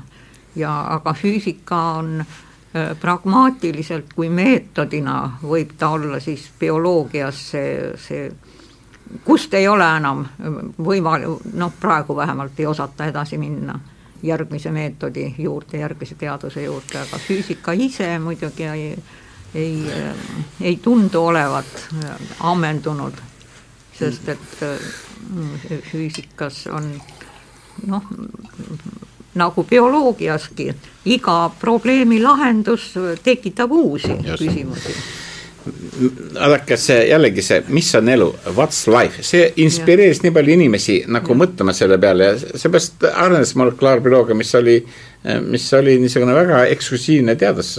kui meie alustasime siin Artur Linnu juhtimisel, siis ja noh, meil oli mitu arsti seal Äh, Art ütles, et need arstid on kõik koht täis, aga aga vot niisugust tüüpi, kes on arsti õppinud ja õpib ka selle molekulaarbioloogia ära, et neid on väga vähe ja kõike seda läheb vaja meditsiinis, aga pärast seda, kui me oleme kõik surnud, et see tuleb kunagi tulevikus. ja, aga vot niisugused äh, asjad inspireerivad ja need, tahad teada, mis siis on see tulevik. ma mõtlen, et milline võiks olla tänane äh, nagu küsimus, mis näiteks võib-olla inspireeriks mind, mis oleks nagu minu jaoks nagu võrdne sellega, et what's life, oleks täna, et aga mis on lõpmatus? ja vot ma küsiksin füüsiku käest, et kas füüsikal on see mingi inspiratsioon, sest mina kogu aeg vaatan, vaatan taevasse ja mõtlen, et see Hubble'i teleskoop vaataks seal veel mm, nagu kuu aega seal kahe nädala asemel. mis me siis näeme ja mis siis tuleb pärast ja vot see on üks minu mõtteviis, ei suuda seda küsimust lahendada, ma tahaks mina tahaks seda uurida kogu elu. see on kosmoloogia. ja on küll kosmoloogia, aga, aga alati on küsimus, kui ma mägedes matkan, võtad ühe mäekorrus ja näed järgmist. ja võtad ühe mäetipu, näed järgmist ja teades ka, teed selle asja ära. aga kuidas ma lahendaks küsimust lõpmatusest ja vot siin on, minule tundub see niisugune nagu ahvatlev teema, kui ma mõtleks või, või teine küsimus, ma olen oma tudengitele rääkinud, et aga esitame küsimuse, mis on armastus? kuidas me saaksime kirjeldada seda, mis on armastus, kust ta tuleb ja kuhu ta nii ruttu kaob? vestluse et... viimasesse kolmandikku. see on, see on puht bioloogia küsimus mu meelest. Mm, ei ole päris kindel. lõpmatuse, lõpmatuse küsimus on, oleneb sellest, mida lõpmatuse all mõista no,, tähendab, kuidas defineerida. Ongi... matemaatilise lõpmatuse teooria pani aluse, ei, ma ei ütleks, et lihtne on pani aluse Kantor sada viiskümmend aastat mm -hmm. tagasi ja see on, see muidugi tundub ka kohati äh, intuitsioonivastane, noh, see kõige lihtsam väide, mis tal on, et et äh, kõikide arvude, naturaalarvude hulk on võrdne kõikide paarisarvuliste naturaalarvude hulgaga, kuigi on ju selge, et iga kahe paarisarvulise naturaalarvu vahel on veel üks arv paaritu arv, aga ometi saab näidata, et, et need hulgad on ühesuguse võimsusega ja mõlemad on lõpmatud. jah, nõus. aga füüsikas, muidugi kosmoloogias on lõpmatust kui niisugust ei vaadata, sellepärast et kosmoloogiat tehakse ühe kindla füüsikateooria raames ja see on üldratiivsusteooria või selle uuemad modifikatsioonid. Ja seal on universumi struktuur on määratud võrrandiga teatud eeldustest lähtudes ja ja see universumit ennast vaadatakse kui noh, pehmelt öeldes punkti hulka millel on struktuur, struktuur allub võrranditele, võrrandeid saab lahendada rohkem või vähem segaste eeldustega eelduste üle võib muidugi vaielda, teooriat võib täiustada ja nii edasi, aga midagi salapärast seal ei ole, ainult istu ja aruta. seda küll jah, et äh, küsimus ongi selles, et äh, kui vaadata nagu teaduse ajalugu, siis alatasa, see, siin toimuvad hüppelised arengud tihtipeale. ja äh, tuleb keegi mees või naine ja tuleb uue teooriaga välja. meie suhtumises lõpmatusse näiteks või? jah, võib vabalt tulla, sest ega miski ei ole lõplik, mina ei ole absoluutselt on, on lõplik lõplik, valguse kiirus on lõplik. jah, see on gravitatsioonijõud ja gravitatsioonikiirus ja need asjad on küll äh, lõplikud, jah. valguse kiirus, see on juba elektromagnetiivsus. mõned konstandid ikka on olemas, see on, mis on pidepunktideks. nii et mõned konstandid meil on tõesti. valguse aga... kiirus ja mõned füüsikalised konstandid on. ja mõned asjad ikka on nagu see, mis me, kuidas me seda täna teeme, aga võib-olla on mingisugust kiirust, mida me veel ei teagi. kuskil on, tähendab, ma ütleks, et me kunagi ei jõua sellesse, meil ei tule seina vastu teaduses ja ma ei ütle, et meil on, meil tulevad uued teooriad ja, ja uued võimalused ja võib-olla me seda, mis me täna arvame, et on kõik nii, nagu me mõtleme, kaheksakümne aasta pärast äh, räägime niimoodi, nagu siin me täna räägime sellest, mis äh, mehed tegid seal kolmekümnendatel aastatel. et ähm, siin on ja, ja noh, ja see oleks ometi veel nagu võrrandit, et ka kirjutatud maailm ja seal on valguskiirus ja gravitatsiooni, noh, kui võtta Newtoni mehaanika veel juurde, ega see kuskil ei kao. Newtoni seadused ikka kehtivad. ja, ja, ja põhitud piirkonnas, teatud piirkonnas. ja täpselt, nii et küsimus ongi selles, et kaugele silmavaade ulatub ja kui me võtame nüüd eluslooduse, siis noh, täna me püüame ka kirjeldada seda Äh, noh, üha suuremas, suuremas kompleksis, aga me teame seda ka väga vähe. ja ma ütlen, et kui keegi tahab, vahel me, me teeme iga aastal oma instituudis niisugusi väljasõite, kus me ka laseme natuke mõttel vabamalt voolata. ja et kellelegi öelda, et nii ei tohi küsida või nii ei tohi mõelda. et kõik saavad avaldada arvamusi ja ma isegi nagu julgustan, et tulge välja ideedega, mis oleks suured ideed siis äh, paremat ma pole kuulnud kui see, et äh, mis on armastus ja, ja see on äh, aga keegi võiks seda uurida tõesti, me seal, me teame üht koma teist sealt juba, aga, aga mitte päris. Ma ei tea, kas selle, tuleb sulle meelde järsku matemaatikaõpetaja Molotov tõeõiguse teisest osast? ei tule sulle meelde? teda mängis, Üksküla mängis veel selles filmis ja tema rääkis, küsis baasi, tundub selle lõpmatuse ja armastusega seoses küsis ja, ja Indrek ei osanud talle vastata ja siis baas, et ta, ta, ta tegi kahe viis kahe, vaatas kevadine aeg ja viis asjad nagu kokku, et baas teeb armunud. Ja et, et kui ta tuleb armastus peale, et siis äh, taguge matemaatikat, et õppige ja, ja arvutage piid kolmekümne kuuenda koma koha mm. -hmm. aga ärge te lõpmatusele minge, sest see on sihuke siga. ja siis kahe päeva pärast sa tead, oligi mingi gümnasistika jalga lasknud, nii et seal on need kaks Ähm, kaks asja, et et tõenäoliselt need asja uuringud käivad rohkem ilu, ilukirjanduses. ühesõnaga, miks ma hakkasin seda rääkima, on see, et oleks vaja, aeg-ajalt oleks vaja kedagi, kes innustaks ja intrigeeriks nagu teadusmaailma ja pakuks välja nagu niisuguseid teemasid, mida inimesed tavaliselt ei mõtle, sest täna meil on läinud elu niimoodi, kõik toimub nagu projektipõhiselt ja väga ahtas ruumis ja need, kes suudaksid vabalt mõelda, täna Einstein ei saakski meil olla, seepärast et juba ta oleks ilma palgata, seepärast ta granti ei saaks võib-olla. ja küsimus ongi selles, et meil ei ole niisuguseid vabu mõtteid enam nii väga palju, sest kõik on surutud äh, sellesse, et kohe peab tõusma riigi äh, kogu majandusprodukt ja, ja kuskil peab midagi kohe juhtuma ja haiged peavad saama tervemaks, aga keegi saaks mõelda nagu mõtlemise jaoks ka. ja neid kohti on väga väheks jäänud, kus äh, inimesed saavad vabalt mõelda. tähendab, mul on kaks märkust selle jutu juurde. punkt üks, ma olen sellega absoluutselt nõus, et viiesaja aasta pärast on teaduse seisukohad kindlasti täiesti teistsugused kui need, mida me praegu tunnistame ja mille kallal me töötame, sest et kui mõelda viissada aastat tagasi, mis siis oli Galilei, Galilei, Galilei eelne aeg ja Galilei oli küll väga taibukas ja, ja terane, nagu me Akadeemia järjejutust võisime lugeda. aga, aga maailmapilt ja teadus kui niisugune, ütleme, ratsionaalne teadmine maailma kohta oli absoluutselt teistsugune kui praegu. ja miks me peaks siis arvama, et meie praegune teadus on, on, jääb püsima ja viiesaja aasta pärast ei naerta meie üle niisamuti, nagu meie võib-olla seal Galilei eelse teaduse kohta. jah, Galilei on väga hea näide, äh, seepärast et Galilei võis teha katsed hüpoteesi vabalt, tema tegi teleskoobi, keeras selle taevasse ja, ja temal ei olnud hüpoteesi, et kas Saturnil on rõngad. tema vaatas, et on rõngad ja, täna on niimoodi, et sa kirjutad grandi ja siis mingid ütlevad, oi, sul pole hüpoteesi.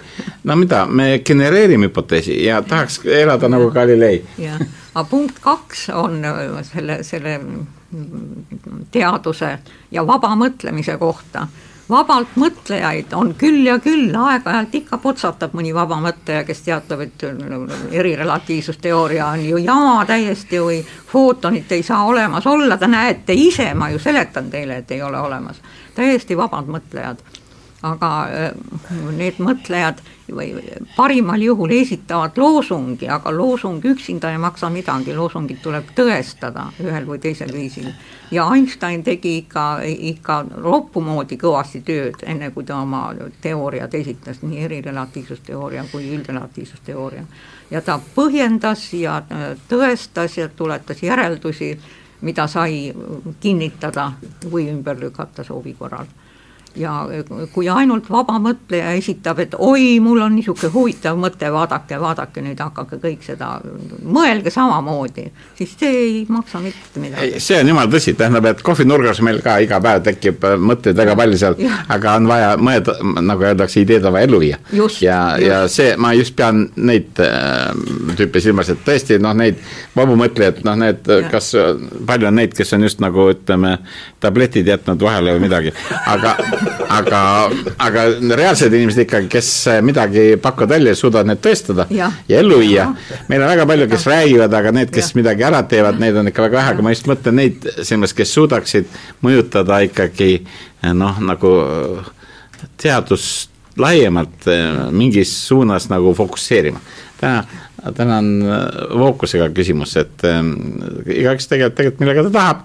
Ja aga siin oli nüüd juhus, kus mitu asja läks kokku, et esiteks tekitas küsimuse what's life, mis on elu, väga huvitav küsimus tol ajal, eks. ja siis oli ka inimesi, kellel oli nagu ütleme, kes olid niisugusel karjääri momendil, kus nad võisid valida endale mõne teema. Ja neile tundus pärast nii-öelda äh, tuumalõhustamist, et võib-olla see oleks nüüd et äh, vaataks, mis see elu on siis, kui nad olid nii paljudele eludele pannud. Lawrence Wilkins oli ju, eks ole, kes sai kolmandana, tema oli täpselt oli pommi sellest. just, no seal olid ju, paljud tulid ja noh, kahjuks ongi niimoodi, et noh, vaataks see, kui Nobeli preemiat anti nii hilja välja selle asja eest, et Rosalind Franklin ei saanud, kes oleks absoluutselt pidanud olema number üks, kes oleks saanud ja, ja noh, tol ajal isegi äh, seal Hershey sai Nobeli, aga see, äh, aga Martha Chase oli see, kellega ta selle katse tegi, millest ta selle Nobeli sai, ta näitas, et DNA on oluline. ja näed, naisele ei antud Nobelit ja, ja Gilbert ja Maxam tegid katsed, näitasid, kuidas DNA-d sekveneerida. Gilbert sai Nobeli, aga Maxam oli tema tehnician, Maxamile ei antud, tema sai PhD sellest. vaadake, siin on ka niisugune ebavõrdsus, et sul võid, võid olla isegi nagu tiimis ja mõelda ja kaasa, aga lõpuks loeb veel hierarhia ka ja kas, täna me püüame üle saada sellest, et et niisuguseid vahesid ei tehtaks, aga no me näeme, siin on nagu igal pool ikka vahed sees. ja aga hierarhia tekib sageli iseenesest, sellepärast et reeglina mehed on agressiivsemad ja naised ei ole nii agressiivsed, et, et ennast esile tõsta ja, ja peale suruda oma seisukohta. evolutsiooniline nagu ja, probleem. just nimelt, nii et see on mitte ainult ühiskondlik, vaid otsapidi ka bioloogiline probleem aga noh, bioloogia vastu me muidugi ei saa, kui ei saa, bioloogia vastu ei saa. siin on äh, osad, osad väidavad, et ei olegi olemas niisugust asja nagu bioloogia, uuemad vabamõtlejad et, et, et ei ole sugusi olemas no,. et ei ole diskreetseid sugusi, on sujuv üleminek. millega ma olen nõus, et äh, ongi sujuv üleminek, aga sellist niisugust kahte küüru ei ole, et on ainult mehed ja naised, seal on veel palju halli, viiskümmend halli, kuidas nüüd öeldakse no,, väljundit. igasugused ensüümid, mis võivad olla no kui ei ole sugusid, siis ma ei näe ka põhjust nagu soovahetusoperatsioonideks oleks minu vastuväide sellele, aga no ärme sellele, seda, seda peatükki võib-olla praegu. täna seda ärme ava. aga, aga vaatame ikkagi, et no mis on siis, mis on siis ikkagi, mis on siis ikkagi elu, et et kuidas siis nüüd on ikkagi niimoodi, et need need aatomid, mis siia kuidagi minu sisse on sattunud ja teie sisse ja need on, ei ole väga palju erinevaid ju nendest aatomitest, mis siin selles äh, lauas on, et kuidas see nüüd siis ikkagi nüüd niimoodi, kuidas see siis nüüd ikkagi niimoodi on? Äh, see on tegelikult see ju see küsimus, millele me kõik ja. Äh, siin vastust ootame, et, et kuidas see siis niimoodi on, et need aatomid, mis minu sees on, need kuidagi hakkavad kuidagi teistmoodi. või sinu sees, Andres, või sinu, teie sees, Piret, et, et kuidas äh, kuidas see nüüd ikka kõik niimoodi on? eks me peame defineerima, mis elu on. et aga... Äh, ja seda ei, seda defineeritakse nii-öelda väga paljudel erinevatel viisidel. aga aatomid on aatomid, küsimus selles, et funktsioon on oluline.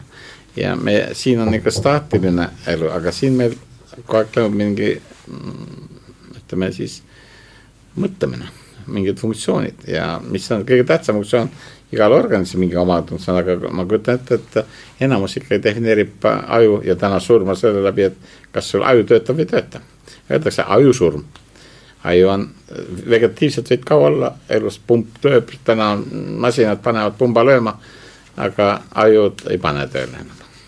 nii et küsimus on ka selles, et kui me hakkame mõtlema äh, siis me ei saa defineerida elu ainult nõnda molekulide ja aatomite kaudu, me peame vaatama funktsiooni. ja see on ei ole elus asi ja siin on elus asi ja vaatame selle, et molekulid on needsamad. üks on ärkvel, üks on ärkvel ja teine. jah, no see oleks, nõuaks väga palju ettekujutust, et kui ma kujutan, et see laud nüüd äh, ärkab, et ähm, nii, seda ei suuda isegi kõige suurema fantaasia tüübid, aga mine tea, viiesaja aasta pärast, võib-olla mingis, mingis kohas siin Schrödingeri raamatus, ma enam ei mäleta, kus kohas tegi ta vahet, et äh, laud ja need perioodilised kristallid ja tahkised ja nendes on molekulide vahelised sidemed on nii tugevad, et äh, nad püsivad koos kogu aja. aga elusorganismides on need olulised molekulide vahelised sidemed, no kas või seal kromosoomis ja DNA-s, on nõrgad ja sellepärast need mutatsioonid tulevadki nii kiiresti ja sellepärast, et see organism üldse oleks olemas, tuleb kogu aeg neid, neid sidemeid parandada ja uuendada.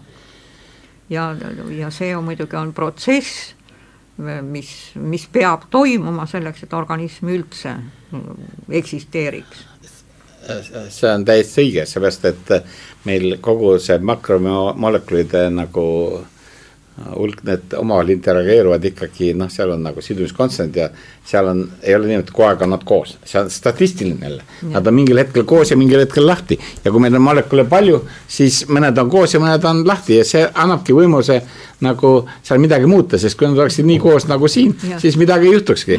aga tänu sellele, et seal toimub, me kutsume seda nagu molekuli hingamiseks, et, et ta kogu aeg liigub natukene ja, ja need vesiniksidemed, mis on nagu põhiliselt need annavad ka järele ja see, neid ongi võimalik nagu kangutada. ja, ja see ongi koht, kus äh, on võimalik sekkuda ja see ongi see nagu dünaamiline nagu olek, et äh, muidu oleks väga rigiidne see kõik.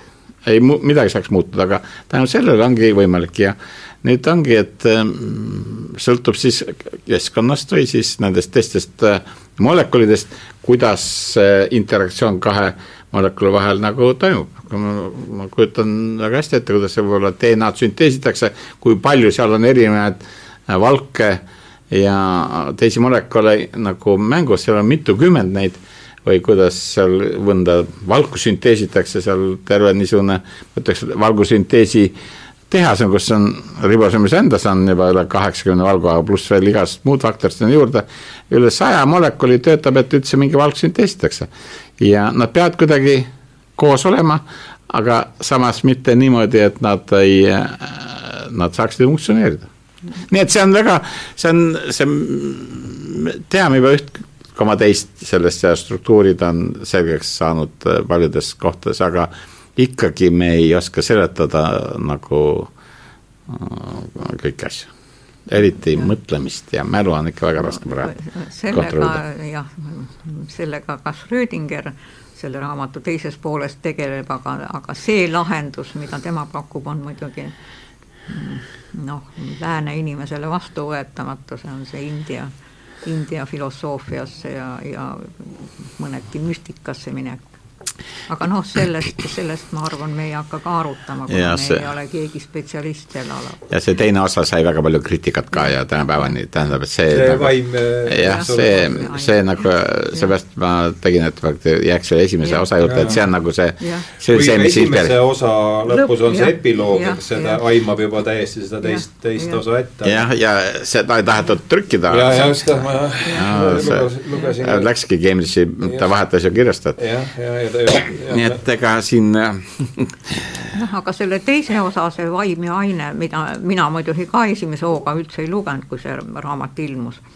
äh, siis, äh, siis lugedes seda nüüd oli huvitav vaadata ja tähele panna, et Schrödinger püüdis olla ikkagi nii-öelda oma kompetentsi piires, see tähendab teoreetiline, teoreetilise füüsikuna arutleda teadvuse küsimuste üle, aga see lahendus, mida ta seal pakkus, see Atman on Brahman ja üksainuke teadvus, ühtne ja ajaväline, see muidugi ei ole, ei ole adekvaatne tänapäeva seisukohalt erinevalt sellest lahendusest, mida ta esimeses raamatus pakkus, kus ta ütles, et kromosoomi osas toimub kvanthüpe, mis on siis, väljendub mutatsioonina. jah. ühesõnaga, et need muutused, need muutused siis looduslikus valikus, et need ei ole sellised pidevad, vaid eks toimuvad ja, siis, toimuvad, toimuvad hüppeliselt ja see oli ots-, see oli see koht, kus bioloogia ja kvantfüüsika siis põhimõtteliselt äh, kokku said saama enam-vähem õigesti. aga üks asi, meil hakkab siin vist põlve seda, et äh, pool, maksimaalselt pool tundi veel siin võib-olla istuda, et äh, muidugi üks nimi, kes siit läbi käib ja, ja nii palju, kui ma nüüd Schrödingeri elu, elulugu jõudsin lugeda, et on ka küll mitte otseselt, aga mis see õpetajatel seal vahepeal oli. Boltzmann ja kogu see, kogu see termodünaamika teine, no tähendab kogu termodünaamika ja entroopia ja negantroopia, et võib-olla võtaks võib-olla räägiks veel nendest natuke, sest see on nüüd otseselt seotud, eks ole, selle statistika ja, ja, ja kõige sellega, et me, et, et no Boltzmann on ka austerlane nagu Schrödingergi, nii et Schrödinger, kes sai oma hariduse Viini ülikoolis see oli noh, seal, seal oli statistiline füüsika oli see, mis oli arendatud nii-öelda tipptasemele Boltzmanni töödega. kuigi Schrödinger ise väga ah soo, siin raamatus ta siiski jah, sellest entroopiast ka räägib, aga see statistiline füüsika on Viini ülikooli kaudu Schrödingeri teine kodu ja see statistiline füüsika, millega Boltzmann tegeles, oli muidugi klassikaline statistiline füüsika, see tähendab, see käsitles mikroosakeste kollektiive, suuri muidugi, kus iga osake põhimõtteliselt allus Newtoni seadustele. aga kuna osakesi oli nii palju, et neid ükshaaval ei saanud jälgida noh, mhm. gaasimolekulid näiteks. aga tema juhi, juhindus veel sellest, osake käitub Newtoni järgi ja,. jah, jah, jah ja äh, siis äh, selleks, et seletada gaaside seadusi, selleks siis, selleks siis jah, arendas ta välja statistilised meetodid, tõenäosusteooria ja kõik selle juurde kuuluv, kus siis entroopia oli üks mõiste. Tänapäeval on väga oluline mitte see klassikaline statistiline füüsika, vaid kvantstatistika, kus need aluseks olevad osakesed on mikroosakesed, mis alluvad kvantmehaanikale, aga no see on juba täiesti, täiesti jälle peatükk, mida me siin ei ava, sest et Schrödinger äh, ei, sellega vähemalt selle raamatu piires ei tegele küll on aga peatükk, mida me võiksime siin õrnalt puudutada, on seesama äh, üks lause, mis mulle sealt äh, niimoodi teaduskaugel inimesel lugedes äh, kõrva või silma, noh, silma pani kulmu kergitama, on see, et me toitume negatiivsest entroopiast tegelikult, et kuidas no entroopia mis, piltlik mis seletus, entroopia piltlik seletus on see, et noh, jah, entroopia, Boltzmann näitas, et äh, statistilisest füüsikast, klassikalisest, on võimalik tuletada äh, suurus, äh, mis ajas ainult kasvab. ja kuna Newtoni füüsika ei fikseeri ajasuunda, Newtoni seadused on, sisaldavad kiirendusi ainult ja kiirendus on aja järgi teine, teine tuletis, kui me aja asendame ajasuuna paneme vastupidiseks, siis on miinus korda miinus annab meile jälle plussi ja mitte midagi ei muutu. aga tegelikus elus ja eriti just gaaside käitumises on selge ju, et gaas läheb ainult hõredamaks ja mitte ealeski tihedamaks uuesti. ronipudelisse tagasi uuesti. jah, ei, ei roni pudelisse tagasi ja äh, füüsikud loomulikult tahtsid seda kirjeldada, sest et füüsikute kinnisidee on, on ammust aega juba kõike, mida, millega me saame katsetada, kõigile tahaks leida matemaatilise kirjelduse ja Boltzmann oli siis see, kes, kes suutis leida gaaside seadusele, seadustele matemaatilise kirjelduse ja äh, see mat-, suurus, äh, mis selles teoorias arenes ainult aja ühes suunas, äh, see oli siis see entroopia, mida siis piltlikustada võib niimoodi, et see on liikumine korrast kaose poole.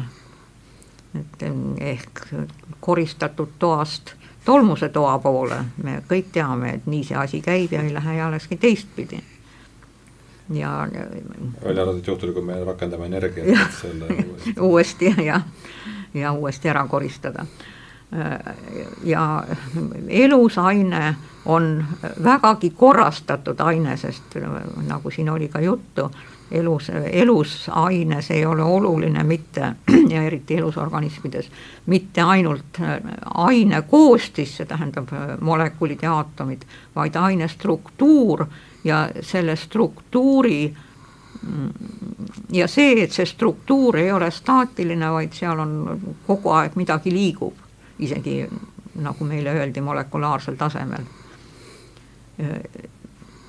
ja selleks, et seda korrastatust säilitada, selleks peab midagi toimuma, sest et kui me seda korrastatust ei suuda säilitada, siis laguneme me kõik mullaks ja tolmuks tagasi mida me kunagi muidugi teeme, aga mitte permanentselt. ja see on nüüd seda, kust tuleb see ATP mängu, eks ole, mis siin enne käis. nojah, aga noh, see tuleb see, et ikka on päike kust, kust tuleb ikka kogu energia tuleb ikka veel päikesest. kuigi seal sellest ta toob näite, ega ma ei mäleta, kus ma seda nüüd lugesin ka hiljuti selleks saateks valmistades, et see on päris merepõhjas Äh, elavad, kes ja. saavad siis seda energiat sealt vulkaanis. noh, aga ikka süsinikku on vaja. sooja, sooja, sooja on vaja jah.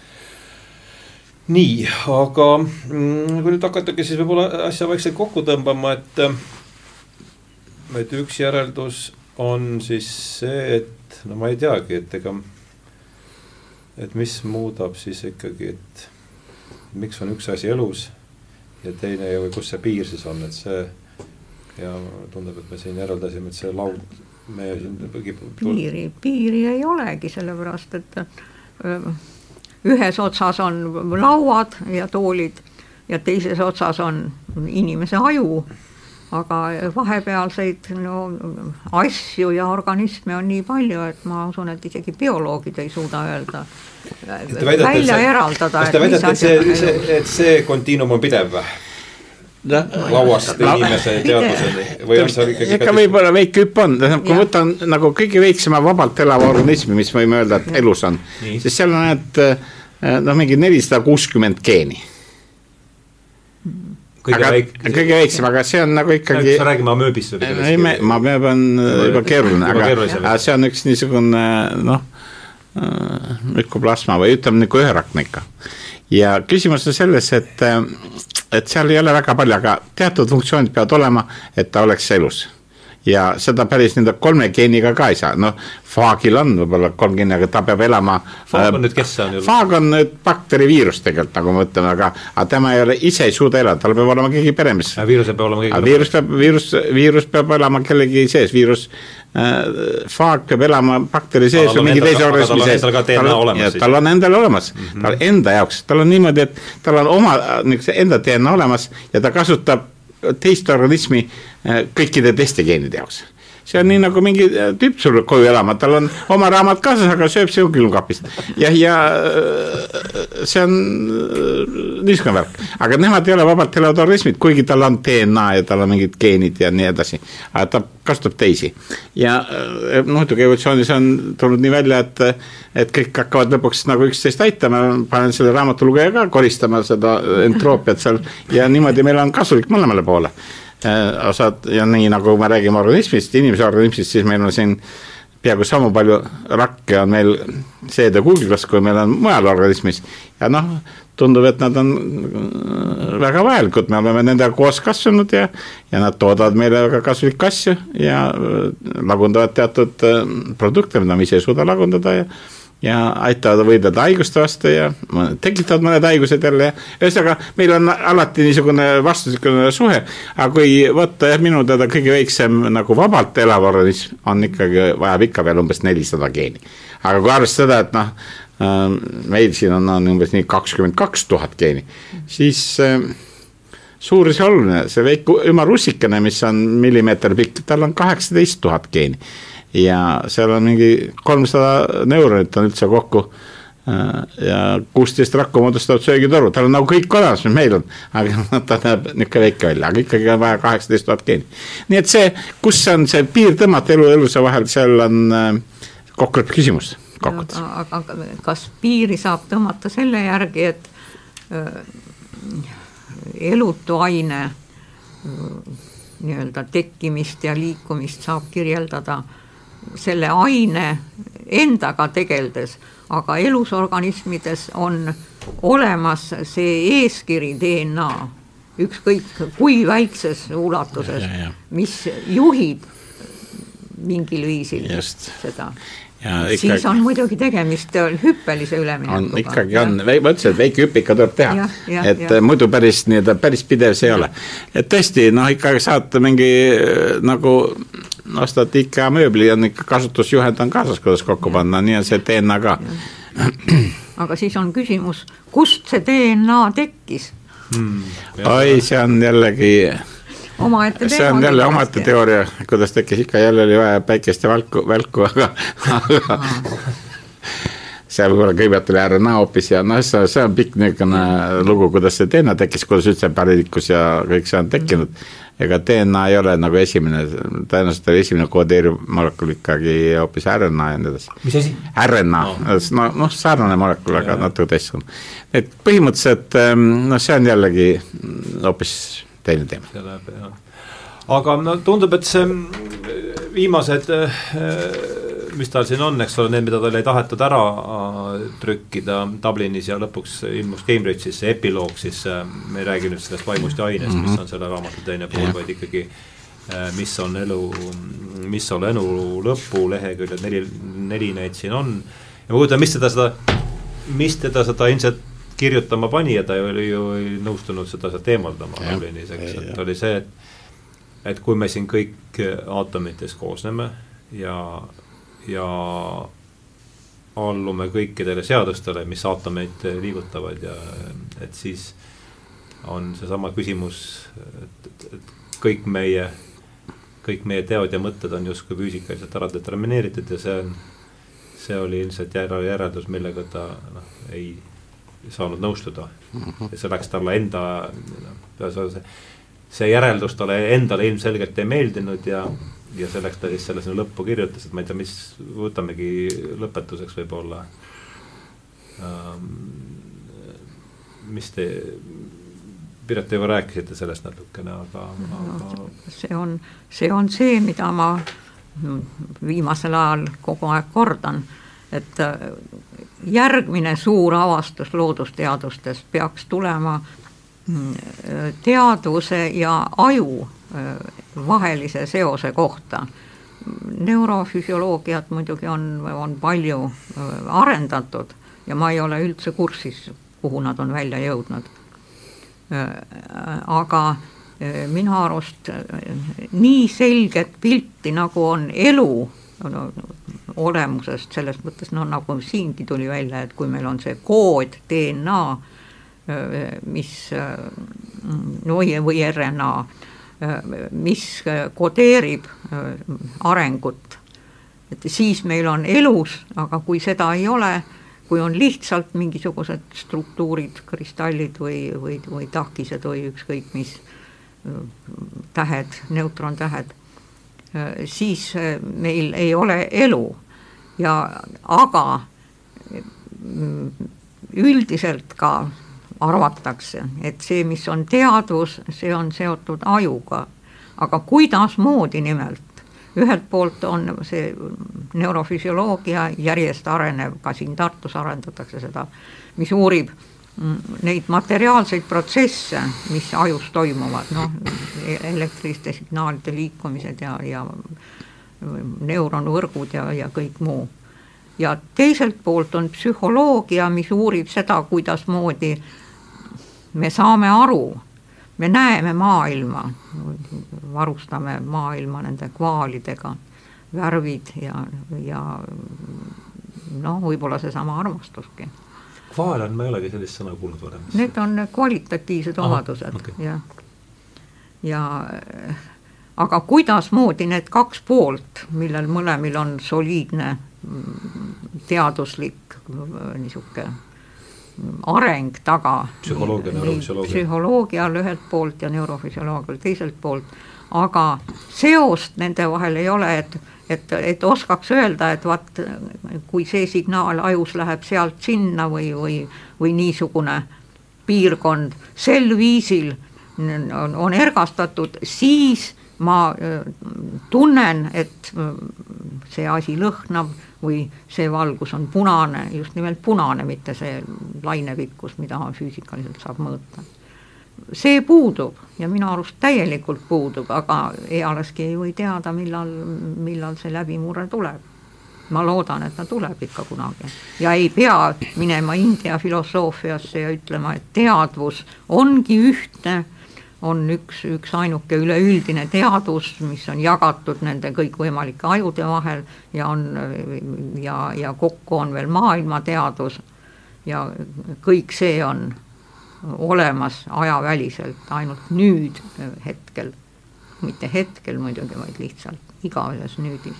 see ei, ei ole minule vastuvõetav lahendus, ma tahaks ikkagi seletust kuidasmoodi need kujutluspildid, mis mul peas tekivad ja mõtted on seotud nende füsioloogiliste protsessidega. materiaalsete ikkagi materjali, materiaalsete protsessidega. ja, ja, ja, ja materiaalsete protsessidega, mida järjest hoolegamini ja järjest täpsemalt uuritakse ja, ja kirjeldatakse.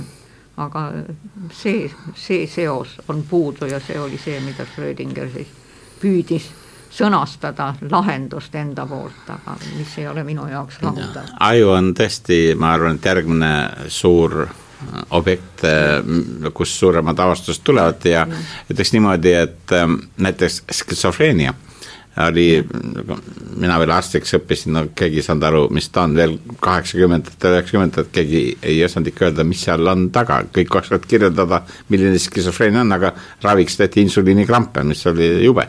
küsimus on selles, et aga nüüd kasutada selle geneetilisi meetodeid ja sest seal ka ikka, ajus on ka ikka geenid olemas neuronites, selgub, et Äh, noh, me olime ise osalised ühes suures äh, uuringus, kus me leidsime üle, äh, üle saja geeni, mis on seotud skisofreenia tekkega.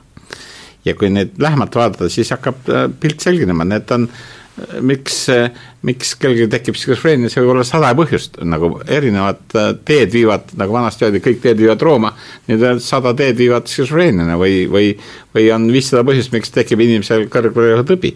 ja nüüd hakkasid selgeks saama, et seal tekivad lihtsalt asjad on ikkagi, kas on mingi kaltsiumikanali probleem või on seal mingi sünapsi probleem või ja üks niisugune noh, niisugune lihtne asi on, et kui neuron äh, neuron on, kui sünnib laps, tal on neuronid, neuronitel on väga palju jätkeid ja neid võetakse ära nagu niisuguse arengu käigus.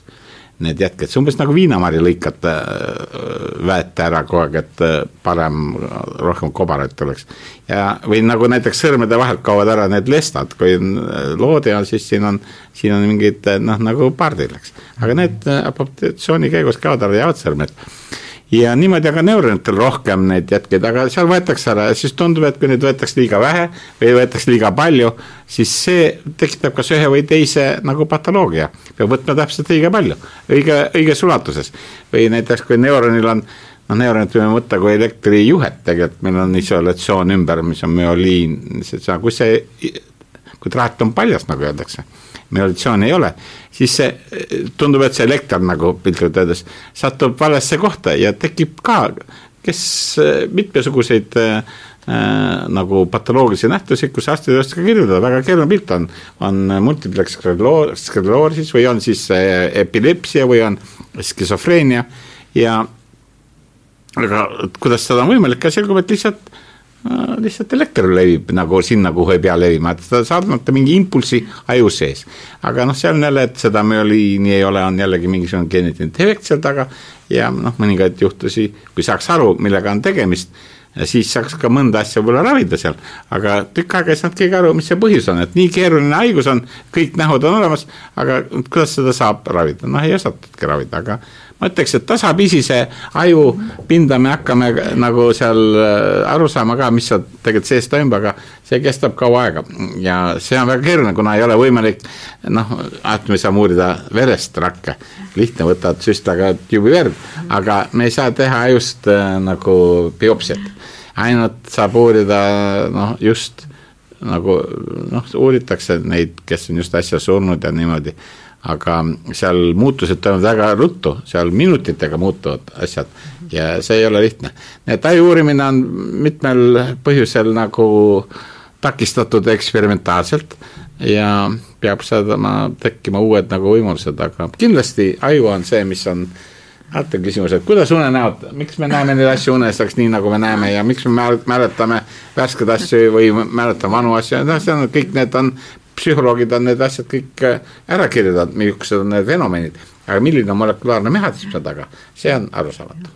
aga kuna see küsimus on äh, nii huvitav ja tõstatatud juba praeguseks, siis äh, ma usun, et see küsimus meelitab juurde kõige nooremaid ja kõige, kõige andekamaid teadlasi umbes nagu füüsika, teoreetiline füüsika ja kvantmehaanika siin olid paar aastat tagasi Euroopa Liit alustas ühe suure programmiga, mida kutsutakse ajuprojektiks, kus on kümne aasta jooksul on neil plaanis investeerida üks miljard eurot, sada miljonit aastas. ja üks Šveitsi teadlane on selle juht ja noh, kui ikka miljard investeeritakse, siis midagi sealt ikka tuleb välja ka, ta on nüüd mõned aastad kestnud, see projekt ja samuti teine niisugune suur projekt, mida Euroopa Liit finantseeris, oli grafeen. et äh, saada grafeenile noh, nagu järgmine, nad said juba.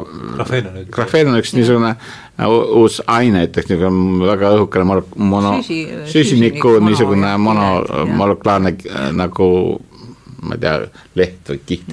aga et kuidas seda kasutada mm, reaalses elus, sest seal on väga palju potentsiaalseid äh, kasutusalasid ja otsustati ka miljard panna. Äh, Nobel anti juba välja, nüüd oleks vaja leida, no seal on nagu tehnoloogilisi nagu lahendusi oleks, seal on ülijuhtivus ja seal on väga palju asju, mis saaks sellega teha. nii et meil on nagu teadlastel niisuguseid ülesandeid küll, aga enamasti on nad seotud taks, selle, mis ta on siis meil, maksumaksja rahadega või siis sõjatööstusega. ja mis seal sõjatööstuses toimub, me teame vähe, aga maksumaksja raha eest me näeme, aga seal tahetakse saada ka kohe nagu nähtavat kasu. olgu ta siis äh, mingi haiguse ravi, nagu on mõeldud see aju peale, või siis noh, meil läheme kogu aeg vanemaks ja ajuhaigused äkki viivad, aga Alžeimer on, Parkinson, need on kõik niisugused teise elupoole haigused ja täna, kuna on ajuga seotud, siis isegi kui me teame mõningaid põhjusi, me ei tea palju põhjuseid, palju teisi põhjuseid ja ikkagi ei oska ravida. Jah, siin sellest teisest poolest ta kusagil, ma täpselt ei mäleta, ei jõudnud seda, kuivõrd see meil leppisime kokku, et me ei hakka sellest rääkima, aga mul kuskil oli mingi sihuke lause, et, et aju hakkab. Jah, see lause konstruktsioon on enam-vähem selline, et aju hakkab uurima maailma, millest ta on ise osa no konstrueerida võib igast asju, aga ma võiks öelda niimoodi, et meil on ajus on neuronid, aga inimesed kasutavad just väljendit, et mul kõhutunne ütleb ja siin paljud ütlevad, usalda kõhutunnet. ma ütleks, meil soolestikus on peaaegu sama palju neuroneid, kui meil on ajus, nii et see kõhutunde usaldamine ei olegi võib-olla nii mõttetu. Et kus ma selle jutuga tahtsin jõuda, et eks see, see Uro, Uroboorose või ennast sabas sööva ussi kujud käis meil juba niimoodi esimesest saatest läbi, kui, kui Piret oli siin äh, Mihhail Lotmaniga ja ja tundub, et täna me jõuame sinna ussini jälle, ussini jälle välja, et ja sellega on ühtlasi ka sellele esimesele kevadhooajale joon alla saamas vist, et on veel midagi lisada teile, teil sellele bussile ja, ja muule? ei, ma ei tahaks muud midagi lisada, kui noh, ütleme, võtsime selle raamatu ette, aga ma mõtlen, kõige suurem väärtus selles raamatus on ikkagi see, et ta käivitas nagu uue laine äh, pärast seda, kus inimesed otsisid endale väljundit ja hulk inimesi äh, võttis selle endale küsimuseks, mille peale oma noor elu pühendada ja ma ütleks, molekulaarbioloogia areng, äh, eriti siis pärast sõda Ameerika Ühendriikides ja paljuski Cold Spring Harboris, tegelikult toetus sellele äh, küsimusele, mis on elu. ja see on nagu kõige suurem väärtus. Kõik see noh, filosoofia, kõik need mõtisklevad, on huvitav jälgida, kuidas ta sinna jõudis. sama huvitav on ka lugeda Watsoni raamatut, kuidas nad jõudsid sinna kaksikspiraali avastamiseni. noh, lihtsalt äh, noh, lihtsalt nagu arutledes laua taga äh, ja tehti väga liht-, lihtsaid nagu mudeleid, aga ikkagi kõik toetub eelnevatele avastustele, eelnevatele põlvkondadele ja teadus läheb edasi, aga ma ütleks, oleks uut nagu hüpet oleks vaja. uut küsimust oleks vaja nagu. uut küsimust oleks vaja, niisugust, noh, lihtsalt aju, see on niisugune täna ei ole nii äh,, niisugune, mis paeluks paljusid, kõik ju uurivad aju. aga peaks olema niimoodi formuleeritud, et see innustaks noori, et vot see on nüüd, mis ma tahan teha. aga ega küsimus niisama ei tule, see peab olema ka keskkond ja, ja pärast seda, kui oli kõik Euroopas maha sildaks pommitatud, siis tekib äkki niisugune mõte, et niisugune küsimus ja, ja see on nagu, nagu meil oli kakskümmend viis aastat tagasi, kui Eesti sai vabaks. et siis oli ka paljud asjad olid nagu, et teeme seda, teeme suuri mõtteid oli, ideid oli ja, ja praegu see ei ole ainult teaduslik küsimus, see on ka keskkonna ja ühiskonna nagu seisund, mis soodustab niisuguste mõtete teket ja nendele siis ka neid inimesi sinna kaasa minema ja selles suunas mõtlema. täna igaüks tahab nagu praadida oma kala ise, aga kokkuvõttes on, oleks vaja mm, ma ei näe, et see lihtsalt tuleks, et see peab olema mingit ühiskondlikku murrangut on ka vaja, et niisugused uh, uued ja siin on see kvanthüpe, vot see oleks minu jaoks kvanthüpe, et on vaja nagu uut hüpet vaadake veel ajaloost, kui rääkida, kui võtta seal kolmekümnendatest kuni noh, kuni arvutite tekkeni, palju midagi ei juhtunud, kolmekümnendatel oli juba televisioon oli leiutatud, juba reaktiivmootor, rakettmootor leiutatud. ja siis hüpe toimus seitsmekümnendatel, kui tekkisid arvutid. Ja sinnamaani oli suhteliselt tasa. minu äh, kolleegid läksid seitsekümmend kuus arstiks tööle, said maal arstiks, anti hobune, et teha visiite aga siis kümne aastaga juhtus niimoodi, et kõigil olid äh, arvutid ja telefonid ja ja toimus hüpe ja kõik tuli õppida ära. aga kui sa lõpetasid seitsekümmend kuus või kuuskümmend kuus või viiskümmend kuus, igal juhul anti sulle hobune, aga kaheksakümmend kuus enam hobust ei antud et see on see, kuidas, kus sa näed reaalselt, kuidas see hüpe toimub, et toimub, toimub ja siis äkki toimub hüpe, nii et võtame kvantfüüsikas on see nagu molekuli tasemel, aga me näeme ka ühiskonnas, kuidas see koguneb vesi paisu taha ja siis pais murdub. noh, minu arust see Schrödingeri mure, mis tal siin, mida see raamat kaugemale, seda rohkem tal, teda häirib, on see, et loodusteadused vaatavad maailma väljastpoolt, tähendab, nad ei püüagi kirjeldada vaatlejat ennast, kuigi muidugi vaatleja ise on ju ka selles maailmas mm -hmm. sees. aga see on, see on nüüd see mure, mida võiks aju uuring, läbimurre aju uuringutes parandada, sellepärast et muidugi on aju, on, on, koosneb aatomitest, molekulidest ja on maailma osa ja meie kõik oleme sellesama maailma osad. aga mõtted, kuidas on mõtted seotud ajuga ja see tähendab see, see, see, mis on mul teadvuses, on seotud ajuga see on just see läbimurre, mida ma väga igatsusega ootan ja see võiks siis ka äh, vastata küsimusele, kuidasmoodi on see, mida mina tean ja mõtlen, kuidas see sisestub sellesse maailma üleüldse, mis minu ümber on, aga no muidugi see on niisugune temaatika, et siin tuleb veel oodata, enne kui läbimurre tuleb no vot siis, aga võib-olla sellel äh, pooloptimistlikul äh, noodil siis tõmmatagi ja. sellele saatele ja, ja tervele hooajale joon alla, et äh, tänan teid väga saatesse tulemast, eetris oli siis äh, kevadhooaja viimane saade sarjas Tähenduse teejuhid, rääkisin täna, rääkisime täna Erwin Schrödingeri raamatust Mis on elu? Ja minu saatekülaliste, külalisteks olid Piret Kuusk ja Andres Metspalu, tänan teid tulemast ja head äh, ma ajame arust siia, et äh, kõik, kõike kaunist, head suve, head suve kõigile